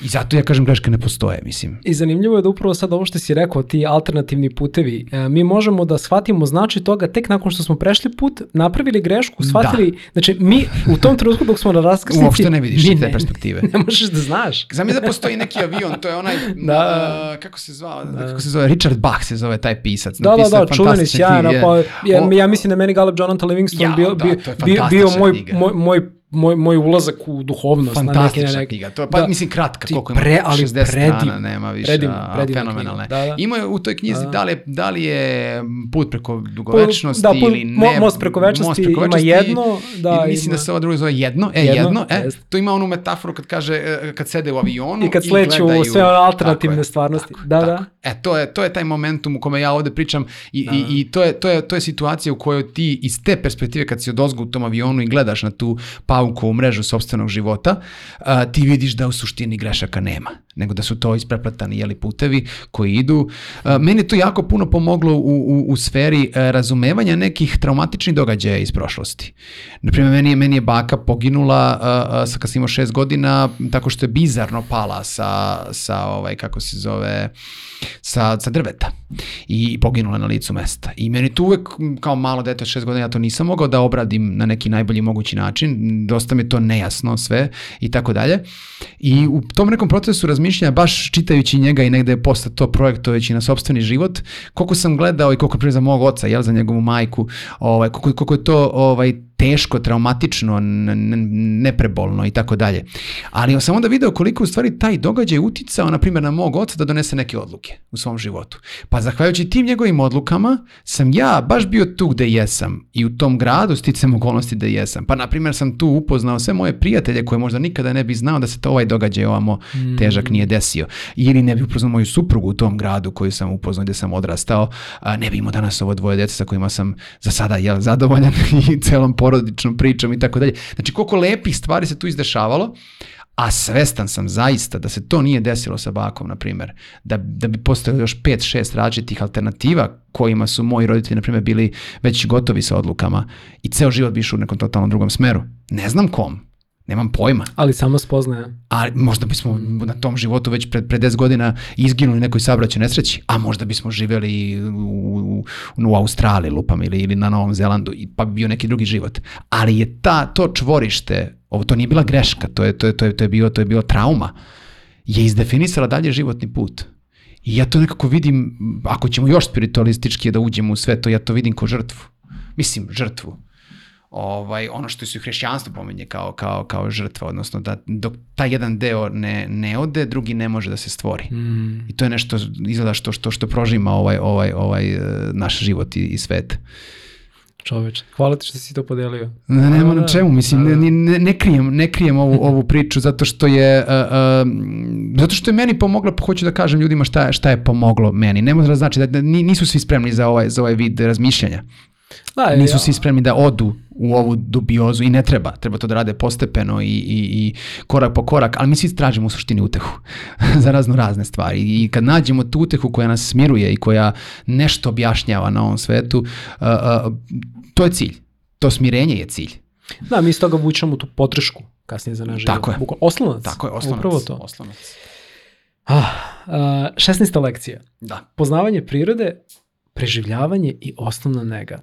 A, ne, nešto sam baš gledao bio nedavno neku epizodu priča Ma Walk kad je bila u Južnoj Americi i sad ona tamo se šećka i sad ona je radila kao profesor, ono mislim ono je obrazovana žena i to sve i sad kao dolazi ne znam ono u džunglu i sad je tamo piti kao pa dobro kao pa kao šta, šta, kao šta ti umeš da radiš? Pa kao pa ne znam kao piše pa kao pa dobro kao šta, šta umeš da radiš? rukama, jel? Nogama, rukama. Kaže ona, ostila sam se tamo kao totalni debil. Yes. Kao ja bi vjerojatno umrla u džungli kao roku yes. od dva dana. Yes. I to je stvar isto jedna, jedan od, ok, ja razumem da nama grad obezbeđuje uslove u kojima mi ne moramo da se borimo više za život. Mm -hmm. Ali bizarno je, bizarno je što smo toliko u gradu otupeli na taj jedan, ono, najosnovniji instinkt kako bi se čovječe bre snašao da ti sad ovaj grad nestane Mislim, u smislu da, da, ti, da ti nije na raspolaganju, odnosno da se nađeš negde u nekoj situaciji u prirodi da. gde nemaš pristup svom tom luksuzu i udobnosti koji danas imaš. Zamisli da u školi učiteljica objašnjava djacima kako se menja sijalica, na primer. A, a doći ćemo do toga. Mislim, ili, ili nećemo doći uopšte, ili mi gradimo jednu generaciju koja neće znati da promeni sjelicu na, na, da, na plafonu. Da, ide se ka tome, nažalost. ove, o, o, ove, ne znam, ne, ne, ne umem nije. Da. ja umem. Ovo je tvoj, ja, ja ih lično menjam, da ih postavio sam. Morao da ih naučiš. Ovaj, ali, ali, pazi, to je, to je da. stvarno, da. znači, ne treba ti majstor za zamenu sjelice. Nemoj da čačkaš uh, u zidovima struju ili ne znam nije šta, to nije tvoj posao. To postoji čovjek koji je stručan za to. Ali sjelicu da promeniš, ali i tu treba par koraka, jel? Nemoj da, da bude uključena struja, nemoj ovo, nemoj ono, uradi ovako. Znači 5-6 koraka koji treba se nauče kao i zamena baterije u automobilu i u ovome, u daljinskom upravljaču, ne znam nije šta. Mi, nažalost, mislim da gradimo generacije koje to neće znati. Koje, koje, koje neće uopšte imati potrebu čak na neki način da to, da to urade. Sve se manje ide ka tim mani, manipula, ni manipulativnim, kako se to kaže, jel? Manualnim Manual, stvarima. Da, da, da. Ovaj, uh, jedan profesor sa DIFA je skoro pričao da mu je, da mu je frapantno da, da, da danas deca sa četiri godine, kad im baciš loptu, odbije se od njih. No što nemaju taj refleks rukama da je zgrabe, da je, da je zagrle, što je ranije bilo sasvim normalno, jer su od prve godine išli ka tome da, da non stop nešto rade rukama. Nema više tih igara sa klikerima, Lego kockice pa polako gube vrednost. Sve, e, to će sad sve ova veštačka inteligencija da radi umesto pa nas. Pa Ona će da hvata loptu, što je da hvata Da, mi ćemo da, biti da, onako, jel paralisani u stolici. Da, da, da. Uvek, uvek pomislim, setim se one scene, znaš onaj crtač voli, Aha. je, e, to, znaš, bit ćemo samo onim foteljama, znaš, Jest. onako one pene i kao... Jest, e, jest, bukvalno to. stiskamo, znaš, Nije, stvari. nije ono bez veze. ovo. Nije uopšte, One da. slike su To je zabrinjavajuće. Da, da, da, da, zabrinjavajuće. da, da, Tako da ti, te neke stvari, ja sam ovde mislio na svašta. Mislio sam i na te neke preživljavanja. Upravo to. a, ti nikad ne mislim, mi, mi ispaničimo kad nam stane auto na sred autoputa, jel? Jel ne znaš osnovne korake šta trebaš da uradiš. Jest. A, ili te negde u inostranstvu ostavi, pa koji su mi sledeći, a kamoli negde u šumi da se izgubiš ili da, kako ti da preživiš 5 dana, 6 dana, 7 dana, tu šta da jedeš, šta da radiš. E, kampovanje. I opet kroz da, bi, neko- da, da bi svi jedva čekali da, Jest. da odu na jedno tako predavanje kao da se organizuju škole, znaš, da bi svi bili ono Pa to imaš one, u. Americi, na primjer, imaš one, Da, one da, da, da, da. uh, kamp, uh, kako se zove, one, one izviđači, Iz, jel? mi smo to nekad imali, ali Imali mislim smo da i mi to. nekad. Pa nekad. Nekad. Pa Upravo se, pa je to. neko i rekao, ba, to je budalaština, izbaci Da, da, da, Zašto? da, da, pa kad da, će on ide u šumu? E, to je problem. Svi će živjeti u gradovima, znaš, kao Da, šta, da, kad će ide u da, šumu? da, da, šta će da, njemu da, to? da, da, da, da. A, a preko je potrebno. Jao čoveče, da, sad pomenuli smo ove AI, uh, 17. lekcija se odnosi na razumevanje medija. To je recimo fascinantno da uopšte, e, da, pazi, mi smo, mi smo čim na putu do škole i na putu od škole izloženi takvim medijskim manipulacijama kroz billboarde, Da. kroz proizvode, kad odemo u Maxi, kad odemo, znači bilo gde, mi smo, znači na, na nama se primenjuje tehnologija medija sv, bukvalno svo vreme. Mi ne znamo ništa Mhm. o tim dinamikama. Mi, mi je samo konzumiramo. A da ne pričamo o medijima kao, jel, televizija, plasiranje po televiziji, po Kamoli internetu s- i ostalo, jel posto- da. Jel posto- postala neka inicijativa da se nekad uvede e, socijalne medije kao predmet? U smislu ono kao, Ne kao, znam. kao ne, ne- nešto što je, u smislu kao kako navigirati s tim. Ne, Što, mislim, jer upravo sad kad pričamo kao razumevanje medija, ja mislim da je to danas, s obzirom da su ljudi pretežno na njima, neverovatno je da Pa tako ovaj nešto i dalje sistem našeg školstva, ja mislim da to nije nikad imao kao, kao ideju, jer je on vuče Da. korene iz onog perioda kad si imao jedan kanal, dva, Da. posle tek bio treći koji je bio ultra cool, ovaj, treći kanal, jel? Ova Da. prva dva su bila, jel? Informacije, da, jedne, dvoje, dvoje novina i to je to. I, na, znači, jel, to što piše tu, to je istina, druga istina ne postoji. I zašto bi ti uopšte uvodio u školu bilo kakvo kritičko razmatranje onoga što piše, to što piše tu, to je tačno. po znacima navoda, jel nije Da, bilo da, uvek da, tačno. da, da, da. Ovaj, i, I onda nije imalo potrebe za tim. E, potreba danas dolazi sa, sa ovom slobodom medija, po znacima navoda, slobode medija ne postoje.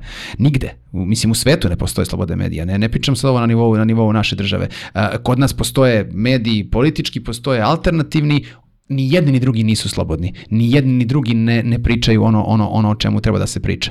E, tako je u celom svetu. To je copy-paste sveta, Mhm. ono što je kod nas, a ne, a ne nešto kao izmišljeno srpsko. A, a, ta- taj kritički, a, ovo što si lepo rekao, izložiš, izložen si napolju reklamama. Konstantno, a, svim čim tim iz stvarima. zgrade, da, da, da. Ka- mislim da sistemu nije u korist da uči decu da budu pametniji od marketinga.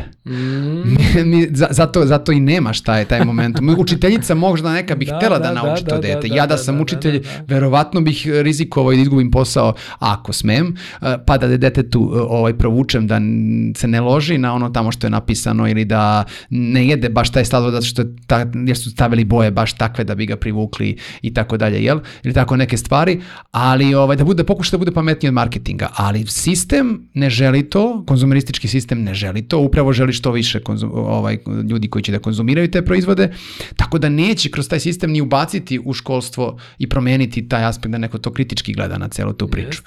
To- Ježim se, nažalost, od toga, to mislim, kad pomislim. Zato što, kao, to je uh, grupa vrlo vičnih, kompetentnih, izuzetno obrazovanih ljudi i ti izlaziš kao neko ko ne zna ništa o tome. Bukvalno ono kao, Upravo. srećno. Upravo, da, da, da, da, da snalazite se. Srećno, da, živ bio srećno. Bukvalno u tom Pa, svetu, ma- da, da, da. da, makar kažu srećno. nego, nego, Da, te, da. nego te strefi, ne, Da, ne znaš da, i sam da, šta je da, ono, da, ono, kad, da, kad, kad, te, da, kad te da, udari. da, da, I onda da, dolazimo da. do tih nekih situacija da, ne znam, koriste neke snimke od pre 100 godina, uh, od pre 20-30 godina za neke aktualne događanja, pa to ljudi Jest, provale, pa onda jest, okače, pa se bune protiv toga, ali džaba se buniš, mislim, kad, kad ono, to, to očigledno je izuzetno jaka priča, uh, donosi novac. Donosi ogroman novac i dokle god donosi novac neće e, se dozvoliti da se tako nešto ovaj mislim e, pazi e, marketing je em, psihološka priča. I, i on je on je nastao opet zahvaljujući ovima što su jel pobegli ovaj u, u- Ameriku posle Drugog svjetskog rata i, i na neki način to su najveći psiholozi su bili Jevreji najveći psiholozi i oni su otišli u Ameriku i danas su tamo najveći psihijatri, najveći psihoterapeuti, škole su njihove i to je njihovo znanje je ogromno, ali većina njih je prihvatila uh, ovaj uh, sistem i ušla je ne baveći se tim uh, stvarima, nego su ušli u marketing. I taj marketing je pušten to je pušteno na neki način da se da se ovaj kao odlično sredstvo jer vidljivo znači uradi tako to je psihologija mase i donosi ti novac. Yes. Sad se postaje veliko pitanje što kaže jedan moj kolega ovaj a, a, a, jesmo li mi zaista različiti? O kojim to mi različitostima pričamo među ljudima? To je ono, jel, popularna psihologija upravo to propagira. Ti si jedinstven, ti si neponovljiv, ti si otisi ono. A 95% ljudi se peca na istu foru na marketingu šta, kako smo različiti. Mislim, stvarno je ono da, da, da, da, da. paradoksalno. E, super je što pritom da je kao pozitivna psihologija i kao upravo to, e, svi smo različiti, ali svi smo kupili tu knjigu koja nam to kaže. Na, e, bravo, bravo, još, još veći paradoks. Mislim, evo ja, ja sam da, da, psiho, smo, psihoterapeut, da, upoznao da. sam neke, neke aspekte da, da. psihologije, a, pričam sad o tebi ovako, ali ću se upecati u roku od par dana gotovo sigurno na neku, na neku foru. Yes. Sigurno, i yes. bacit ću neki novac koji uopšte nisam morao da bacim na tu. E, taj momentum malo više osvešćivati. Zašto ja, zašto se meni to dešava? Zato što me 30 godina niko nije učio o tome. Da, Tek da. sam poslednjih 10-15 godina počeo malo, malo svežije da razmišljam o tome, nedovoljno mm. da bi ti tome bio gospodar te kontrole. To, to, to je izuzetno teško. Upravo. Uh, ali dobro, tu smo eto danas, da bar, bar stavimo tu perspektivu, pa ovaj, uh, ljudi nam mogu da krenu da razmišljaju o tome. Stvari, bitno je samo ja, da krenu. Samo jedno da se ogradim, da, da. malo pomenuli smo jevreje dva puta, ispašće da, da sam da. nešto, nešto da. Ovaj, da, mislim da sam jako, o, o, ja ovo sve što pričam o njima, uh, pričam o jednoj izuzetno pametnoj strukturi ljudi. Uh, u svakoj, mislim da, da se razumemo, ne, ne pričam ništa pogredno i ne, ne znam ne, šta da neko... Jevreje, koji ovo gledaju, ne, ne, apsolutno da nemamo ništa njih, protiv ja jevreje. Ja sam bavio najlepšim poslom na svetu kojim se bavim, da ne, oni, oni su to izmislili ljudi. Ovaj, da, da Da. de Spinoza, da čuveni jel je, je možda najveći uh, ovaj filozof svih vremena, ovaj jevrejski filozof, najveći filozof svih vremena. Ja njih obožavam, a međutim u svakoj strukturi uh, da li su hrišćani, jevreji, muslimani, oni ti imaš određenu grupaciju ljudi koji će to da zloupotrebi, naravno, koji će neku priču da zloupotrebi. Naravno, I onda pričamo o, o tim segmentima zloupotrebe. Zloupotreba na ovom svetu nije zloupotreba 90% ovog stanovništva. Ne. 90% ovog stanovništva uopšte nije usmereno ka zloupotrebi, niti je uh, zlo, niti ide ka tom smeru, čak bi verovatno i hteli da idu ka dobrom, samo Jest. kad bi postojao sistem. Onih 10% pravi, pravi to da ide u tom smeru. Tako je. Među I, njima ima i jevreja, i ovih, i, i onih, i Srba, oni su, oni su i dobrim delom zaslužni za školski i, sistem koji imamo, tako o kom fale ove lekcije koje imamo upravo pričamo. Tako je.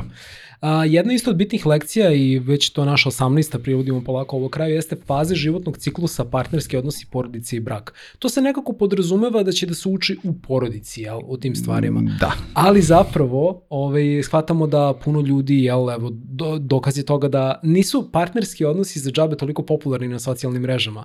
Baš zato što da. ljudi, baš zato što ljudi prosto upravo to ne znaju uprko, iako su izašli iz jednog partnerskog odnosa, nemamo dovoljno znanja, jednostavno ne znamo kako zapravo funkcionišu te dinamike i često mm -hmm. im nekako a, a, podležemo e, jakim silama koje su njima manifestuju da ne znamo šta se zapravo dešava. I onda bi trebalo da, da postoji definitivno predmet koji, to kad si mi rekao, baš mi je bilo zanimljivo, kao da to školi uče porodici, kao pa ti si na školu u porodici, ali šta ne, to znači? Ne, u porodici si učio o porodici. Tako je. Ali si tako učio je, od je. onih koji nisu učili o porodici. Upravo to. Upravo Tako to. da, odnosno, da, da, šta da, su da. naši roditelji, oni su, oni su odradili copy-paste, transgeneracijski copy-paste. Upravo. A, ne bukvalno, zato što postoje i prirodni mehanizmi odbrane. Znači, ako je moj otac bio alkoholičar koji je tu kao stalo majku, postoji više alternativa u koje će malo dete koje to gleda i razmišlja otići. Može da ode u sušu suprotnost, i da sada bude totalna druga krajnost, znači to, jel, poroci i ostalo ne postoji, ali on ovamo anksiozno vezan, prebrižan, pre, ekstremno prebrižan, što isto zna da bude da smeta, na primer,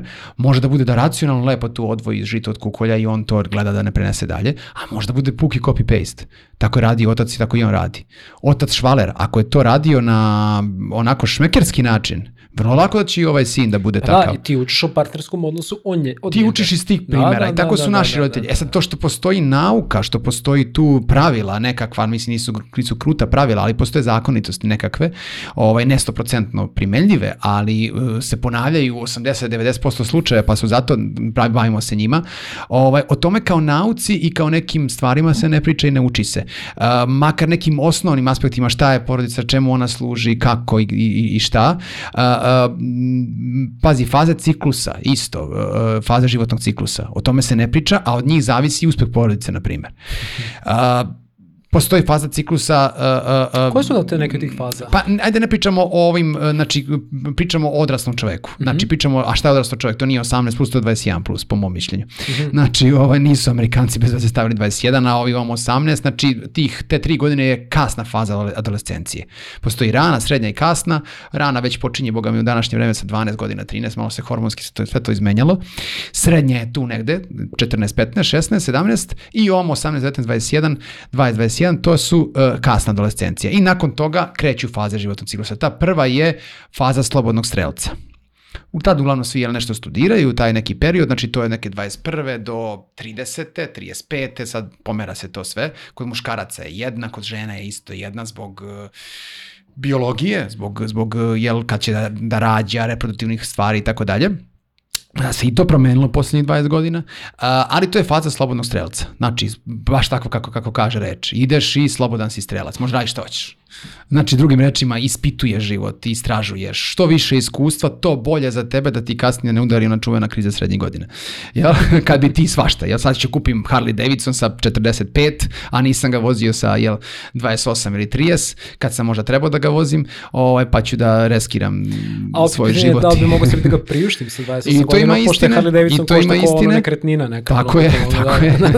ovaj, ali znači u tom periodu da, ja istražujem, naravno. u tom periodu se ne savetuje je ta neka zarobljenost u nekim preterano dugačkim vezama, zato što uh, uh, može se desi da, na primjer, jel, dođe do ono što narod naziva neiživljenost, odnosno... U kom tačno periodu se savjetuje? Pa to je da 20, 20 do 30 godina, to, to otprilike smatramo s fazom slobodnog strelca, 30-35, uh, otprilike. Znači, u tom periodu bi trebalo što više istraživati u životu i što više isprobavati stvari, naravno ne odraziti u destruktivnosti, nego više preispitivati sebe i, i o, ovaj, pronalaženje sebe. Jel, jel, ako ja sad izlazim iz veze u vezu, ili ćeš to da radiš konstruktivno i da, i da negde ispituješ sebe kroz sve to, uh, upoznaješ ljude, a ne da ti iznenadi što postoji ovakav ili onakav partner, ili što postoji ovo što danas zovu gostovanje, jeli ono kao nestane iz čista mira, ne javlja mi se više, ili toksična osoba, ili narcis i ovako i onako. To se tu stiče to iskustvo. I, to isko, I ako pretvoriš to iskustvo, ti ćeš iz toga izaći bolje. I onda se znači na to kalemi sledeća faza životnog ciklusa koja bi, jel, po nekom PS-u, ko se odluči za taj korak, neko može ostane u ovoj fazi do kraja života. Ali ko se odluči za sledeću fazu, to je faza uh, života sa partnerom jako bitna faza. Znači imaš partnera i krenu se živiš sa njim. U našem starom sistemu uh, se, jel, ako hoćeš živiš s partnerom pre braka, to je bilo zabranjeno. I to je velika greška, jer se ispostavilo da se tu dešava ono da se mi testiramo da li smo za brak ili nismo Tako za brak. Tako je, zapravo zajednički život upravo to. to ne, ne, ne, nema boljeg testa. Za jedno i za drugo. Da, Mislim, da. tad se otkrivaju zavese i mi vidimo ono što nije tako lepo, ovaj, što smo sve videli ovamo na, na, na onom dejtovanju, na upoznavanju, na tom nekom zabavljanju, zato se zove zabavljanje. Otvoriš zavese, vidiš ono šta je iza. To što je iza je, uh, ovaj, vidiš šta ćeš sa tim, da li možeš ili ne možeš, pa zato odlučuješ da li ćeš u brak ili nećeš u brak. Ovo redko ko uradi u ovoj fazi, uđe u brak, jel? Čak, kažem, ranije nije ni bilo tog života pre braka, što je danas, kažu, jedan od faktora velikog broja razvoda, jer su stvari otkriju neke stvari u braku i onda se ne sviđa, onda izlaze iz braka. Iz braka. To je posebno, znači, druga faza, znači život u braku do rođenja deteta, pa onda rođenje deteta, prva godina, rođenje deteta, odnosno dete do treće godine, dete do sedme godine. To je to. Onda imaš dete adolescenta i odlazak deteta iz porodičnog gnezda, to je sledeća faza, gde ostaju ponovo sami njih dvoje. Ako su toliko bili fokusirani samo na decu, ne na njih dvoje, tih 20 godina dok ih dete nije napustilo, oni posle ne znaju se snađu sami. Nisu sami sebi do... I to, to, to je kriza te, te faze. I onda faza zadnja je ta, da kažemo, penziona faza, odnosno faza kada se bliži smrt, jel? Svakim danom si sve bliži smrti, što je posebna faza koja se isto kod nas različito živi, odnosno na ostatak sveta. Kod nas ljudi gledaju da kupe grobno mesto, da ga overe za svaki slučaj, jel ko zna da li će ga deca sahraniti, nažalost. A, gledaju šta će, naš, to da obezbede te neke stvari umesto da putuju. Nemaju ni novca. Mm. Znaš, tamo neko drugi mislio pa su ostali sa velikim penzijama, vidiš ove ovaj, matore ljude ovaj, u penziji na kruzerima pa putuju po celom svetu. Malo, malo odu u Berodu, vidim što bakice i dekice idu onim visokim čarapama do, kolena našama i sa šeširima i obilaze zemlje. troše penziju, uživaju u životu, znaš, i proživljavaju tu fazu izuzetno ovaj, kvalitetno. Kod nas je to ono čekanje, čekaonica smrti. Bukvalno taj neki, neki ono... A da, ovaj... do duše opet naša u zapadu, ja sam to primetio, zapad ima isto taj princip da a, samelju sve te lepe i mlade vitalne godine života da bi uživo u penziji. Da li je, zaista možeš da da uživaš u yes, životu yes. kad imaš 80 godina? Koliko njih preživi da dođe do ove, do ove Upravo situacije. Upravo to, kao, zapravo, su, a, mislim, deluje mi da je nako rješenje naći te neki subtilan balans. Yes. U svakoj od ovih da, faza da, da, da. proživeti kao izbalansirano. E, upravo Prihvatiti to. njene da, i da, da, da, da. znati koje su sve krize koje donosi svaka od tih faza, ali i benefite svi tih faza. I da se razumemo, svaka od ovih faza je jedan nepoznati deo nas koji se suočava sa tim delom u sebi. Znači, niko od nas ne može zna kakav će biti uh, uh, roditelj svome detetu dok ne uđe u tu fazu. E onda upozna i gleda šta će sa tim često se tu dešava da, se, da ti se ne sviđa ono što vidiš tu, pa imaš roditelje koji izbegavaju, beže, sklanjaju se i tako dalje, a imaš neke ljude koji fantastično to dožive, vide u tome poentu čak života i ne znam nije šta, pa se tu ovaj, budu jako dobri u tome. Tako da to, to ne možemo, te faze ne možemo da predvidimo, jer niko od nas, to niko ne može predvidi, jer niko od nas se nije suočen, nema iskustvu da, taj da, deo da, sebe. Da. Ali možemo da ih vidimo, možemo da ih vidimo. Možemo da ih vidimo i možemo iz tuđeg iskustva, znači da pobrojimo mi ovako teoretski šta su rizici, šta su prednosti tih faza i da se toga držimo, ali eto, ja sam o tome prvi put čuo na uh, edukaciji iz mog, iz mog terapeutskog pravca sistemske porodiče psihoterapije. Nikad pre toga nisam čuo za faze da, životnog da, ciklusa, da, nažalost. Da, da, da, da, da, eto. Upravo to što si rekao, morao, morao si da prođeš celo to školstvo da bi došao yes, u to. Jesi yes. već bio sa ženom? Jesam, jesam, jesam. Aha. Ja sam s mojom ženom od trećeg razreda gimnazije. Ja sam, ja sam Jao! tu fazu slobodnog strelca... ovaj... Ba, ba, baš, sam te, baš, baš sam teo da ti pita kako je to krenulo kod tebe u životu. Ti si ga baš ne, ne, pravili smo pauze. Da, Pravili da, smo da, pauze. Kao da, sam, kaže, kao da sam znao, kaže, nešto mi je govorilo naš ono, pravi češće pauze, jer u suprotnom... I zaista je tako, mislim da nismo pravili te pauze. Imali ste pauze? Imali smo nekoliko pauza tokom od 20 do, do 30, kad smo se venčali, sa 30, da. Ovaj, a, a, a, bilo je nekoliko pauza, ono, zvaničnih pauza, jel, koje, koje u stvari, da, da ih nije bilo, ja mislim da ne bismo opstali. Da, da, ne, da, ne bismo da, sigurno. Da, da, da, ovaj, danas kad vratim film.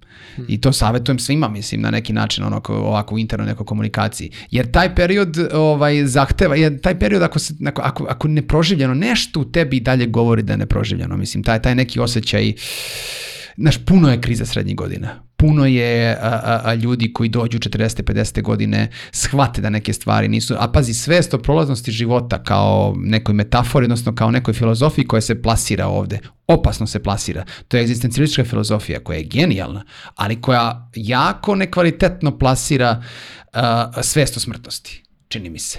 Gde se ljudima sada i ovde toliko diže na nivo hedonizma, na nivo uh, nekakvog ono, gasa jeste, do daske. Jeste, to ono, baš me briga, sutra može da me nema, Tako je. daj da uživam, Tako da je. uništim na kraju To je krajeva. opravdanje da neko živi brzim životom jeste. na margini, to je opravdanje da neko prevari, da ide, da ima švalerke, da, da radi svašta, to, je, to su razno razna opravdanja uh, ne bili ljudi pobegli, a koren leži sad ne znači da ako si ga fantastično proživeo u, u, u, u fazi slobodnog strelca da ti to nećeš imati kasnije. Ali nećeš sigurno imati u tom procentu i obliku kao da, da si ovo dibidus bio u zatvoru, jel? ovaj, pa onda, pa onda ovaj, te to sačeka sa neki 40-50 godina kada pričamo o tim izazovima jel, sveta na koje nalazimo kada izađemo iz škole, baš dolazimo do 19. lekcije a, koja će se lepo nadovezati na 20. najavit ću sad obe. A, prva 19. jeste da nas nakon škole često ne čeka bajka, nego da. ljudi koji su često nemilosrdni i loši.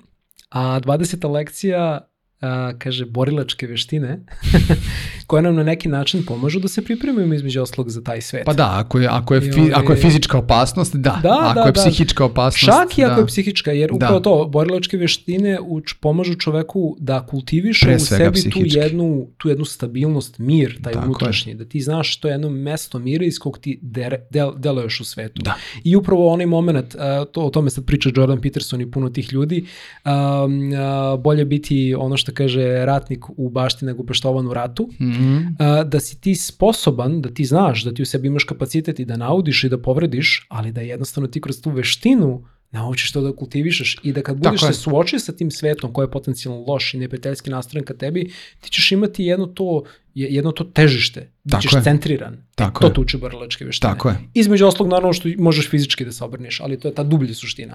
Tako da mislim da se ove dve Pa lekcije da, zamisli da deca dobijaju časove, uh, besplatne časove, naravno uz fizičko, jel? Da, Da. i po, da ne, ne možeš svaki dan, oni, vole loptu, te vole loptu, to nema šanse, uh, ali, ali da imaš jednom u, u pet dana nešto malo kao neki karate, jel? Ili judo, ili ovo, da, da, da jačaju taj sposobnost i naravno zamisli da devojke dobijaju a, a, a, lekcije ili da generalno dobijaju uputstva šta se radi u slučaju da te neko napadne, kako da se obraniš. Da bre, da, da, da. Da li je ne- neka tehnika, da li je suzavac, da li je ovo, da li je ono, ali imaš to kod sebe i neko te je, a ne da ti improvizuješ to na licu mesta. Tu onda Jeste. nema improvizacije u strahu. Upravo, upravo to. Ali znaš šta je zanimljivo što kažeš, deca vole loptu, ali znaš šta isto vole? Sećaš se ono koškanje, daš ono kao, hoćemo malo naš, da, Jeste. da, da se šibu. Tuča. Znači, ima, Mm. ima i toga. I sad ti kad bi nekome to kanalisao kroz borilačku veštinu, ja mislim bi prepuni bili ti časovi. Pa ne bi se Klinci tukli deca ovako na, na Upravo to, jer na tu, ulici. tu, bi, mo, tu bi moglo da izađe i ta jedna porcija energije Jest, koja jest. može se kultiviše na jedan vrlo Jest. smislen i lep način. Mm. To je, to je, ovaj, mislim, ovo, ovo je neka osnova, stavili smo je kao zadnje, a u stvari je izuzetno bitno. Ovaj, ja sad ne mogu da pričam o tim nekim a, a, a, paradoksalnim intervencijama, ali to stvarno devojke bi trebale da imaju neke kurseve od, od ljudi koji se bave e, e, e, traumama, sa devojkama koje su pro- proživjele traume, silovanja i tako dalje. Ima tu raznoraznih primjera kako su devojke uspjele da oteraju silovatelja ovaj, e, kroz raznorazne. e, Uglavnom, uglavnom e, postoji to neko nepisano pravilo da ako silovatelju e, e, em, daješ neke znake tipa e, da, da pokušavaš da se odbraniš, da pokušavaš da ga udariš, da pokušavaš, ne znam, nija da, da odreaguješ na njega na taj neki način, da, to- da to njemu e, još više pojačava taj, taj tu strast, da, Tako da. je, a da su često nekakve paradoksalne intervencije, uh, ovaj, ne znam, do, do na primjer pravljenja da si, da si mrtav ili, ili da to neka, ili paradoksalno neko smejanje ili, ili, ili cerekanje u tom trenutku, da, da, da, da je bilo situacija kada, kada uplaše silovatelja. On ne očekuje takav efekat. Silovatelj siluje i očekuje isti efekat uvek da se desi. A to je da vidi strah na toj osobi, da vidi nemoć na toj osobi, eventualno za pomaganje i pokušavanje da se da se izbori. To je ono što očekuje i sam silovatelj, na primjer. Ali ne očekuje paradoksalno nešto da, se, da mu se desi. Opet nije devojkama lako da urade paradoksalno tako nešto u takvoj situaciji. Da, da, Pa, o- ostani ja ti, verujem ostani da to ti može da se obuči. Ostani pribran, da, Da, ostani, da, da, da, uh, da. odreaguj tom trenutku, aha, daj da mu ne damo ovo sada, nego Sigurno, da mu da, sigurno. gde je mozak u tom trenutku da, Da, tako percipira. Ali ako kroz nekakve e, edukacije, što više širenja svesti o tome, priča o tome, uh, uh, ja verujem da to može čak i kao, kao tehnika, kao neka obuka da se da se da se negde ovaj kao što obuka za prvu pomoć, to nismo malo prepomenuli. Prva Mhm. pomoć, mislim, ko od nas zna da pruži prvu pomoć na ulici? Čak ljudi beže, zaobilaze ljude na ulici, neće da im priđu jer se plaše da nešto ne taknu, pa posle će da budu krivi. A tačno se zna, mislim, u prvoj pomoći imaš tako pravila neka određena, koje mogu svi ljudi, ne mora uopšte da bude, lekar, da ispoštuju pa da sačekaju lekara, da dočekaju hitnu pomoć u najbolje mogućoj situaciji da bude ta osoba. Ono što treba da se uradi u prvoj sekundi, da hitna pomoć ne može da postoji. Nema je. U Australiji postoje elektrošokovi na svakih ovaj, defibrilatori, ovaj, kako se zove, eh, postoje na svakih 100 metara ovaj, na, na, na, na ulicama. I kratka uputstva ljudi uglavnom znaju da koriste. Ma i to malo, malo nas, ne, ne bi to smjelo svako na svoju ruku, ali, ali umesto, na primjer, masaže može se iskoristiti to. Mnogo je efikasnije. Tu se spašava život u tih prvih 5 do 10 Mislim, tako ljudi te neke ne znaju, mislim, i kako da vežu, uh, kako da postave čoveka koji se povredio, da stave ljude u koma položaj, koji imaju epilepsiju, epileptični napad, da ne bi jezik otišao i tako da. Mislim, to su sve neke stvari koje se uče, koje mogu da nauči svako. Ovaj, a ne da ono kao neko volonterski, čisto zato što bi to volio da zna, ode u crveni krst. Ne, to moraš u školu. Jeste, To jeste, moraš jeste. u, u firmu. Da, i upravo to je vezano za tu 19. lekciju, kao čekaćete potencijalno životne situacije koje će biti šokantne. Da, da, Da, da, da, da, da, da, Daj mi neke da. alate kako s tim mogu da se Da, da, nosim. da, da. Borilačke veštine možda u tom smislu sad uh, možda još važnije za žene, upravo to naš kao... Mnogo važnije nego za muškarce. Da, da, da, Muškarci da, da, da, fizički da. njih, na primjer, neki ljudi neće napasti na ulici tek tako Upravo muškarca, to, neće to, napasti. upravo ali to, ženu hoće. Upravo to, Mm. upravo to. Čoveče, 20 Bilo- komada. bilo bi, bilo bi... A možda ima i više. e, i- ima- mi, mi, smo, mi, smo, mi smo samo načeli sad ovu temu. Ovaj, hvala ti puno što smo mogli da obradimo ovako iz nekog, iz nekog ličnog iskustva i um, uh, nadam se da će u tom smislu ova epizoda poslužiti kao neka smjernica o čemu bi mogli da krenemo da razmišljamo kad su pitanje te neke Nije mi lekcije. prijatno i nije mi, nije mi ni, ni ovaj, uh, uh, drago što o ovome uopšte pričamo, ali kad je već situacija takva ovaj, uh, uh, i kad će ovo tvoje da odleti u etar i neki još više ljudi koji će da pričaju na ovu temu, neki ponove uh, i tako dalje, ovaj, uh, šta da radimo? Mislim, možemo da plačemo na tim što, što, ovoga, što pričamo danas uopšte o ovome, što smo došli do tačke uopšte da moramo da pričamo o ovome, ovaj, ali tu smo da pričamo pa da od ovog momenta to negde neko čuje onaj koji treba da čuje. Tako jel, je, tu smo svega. da osvestimo. Tu smo da, da osvestimo da postoji potreba za tim nekim stvarima i onda možemo da krenemo u akciju. Tako je. hvala ti puno, Marko. Hvala ti puno na odvenom vremenu, e, na svemu što radiš, na svim mojim mudrostima koje deliš i ovako uživo, a i na svom Instagram nalogu. Nadam se da će vam neko, mislim, nema sumnje da će vam nekome značiti, meni je mnogo. Hvala tebi na pozivu, stvarno, uvek je, uvek je prelepo. hvala svima vama koji ste ostali sa nama do kraja ove epizode i vidimo se uskoro u nekoj novih epizoda. Ćao!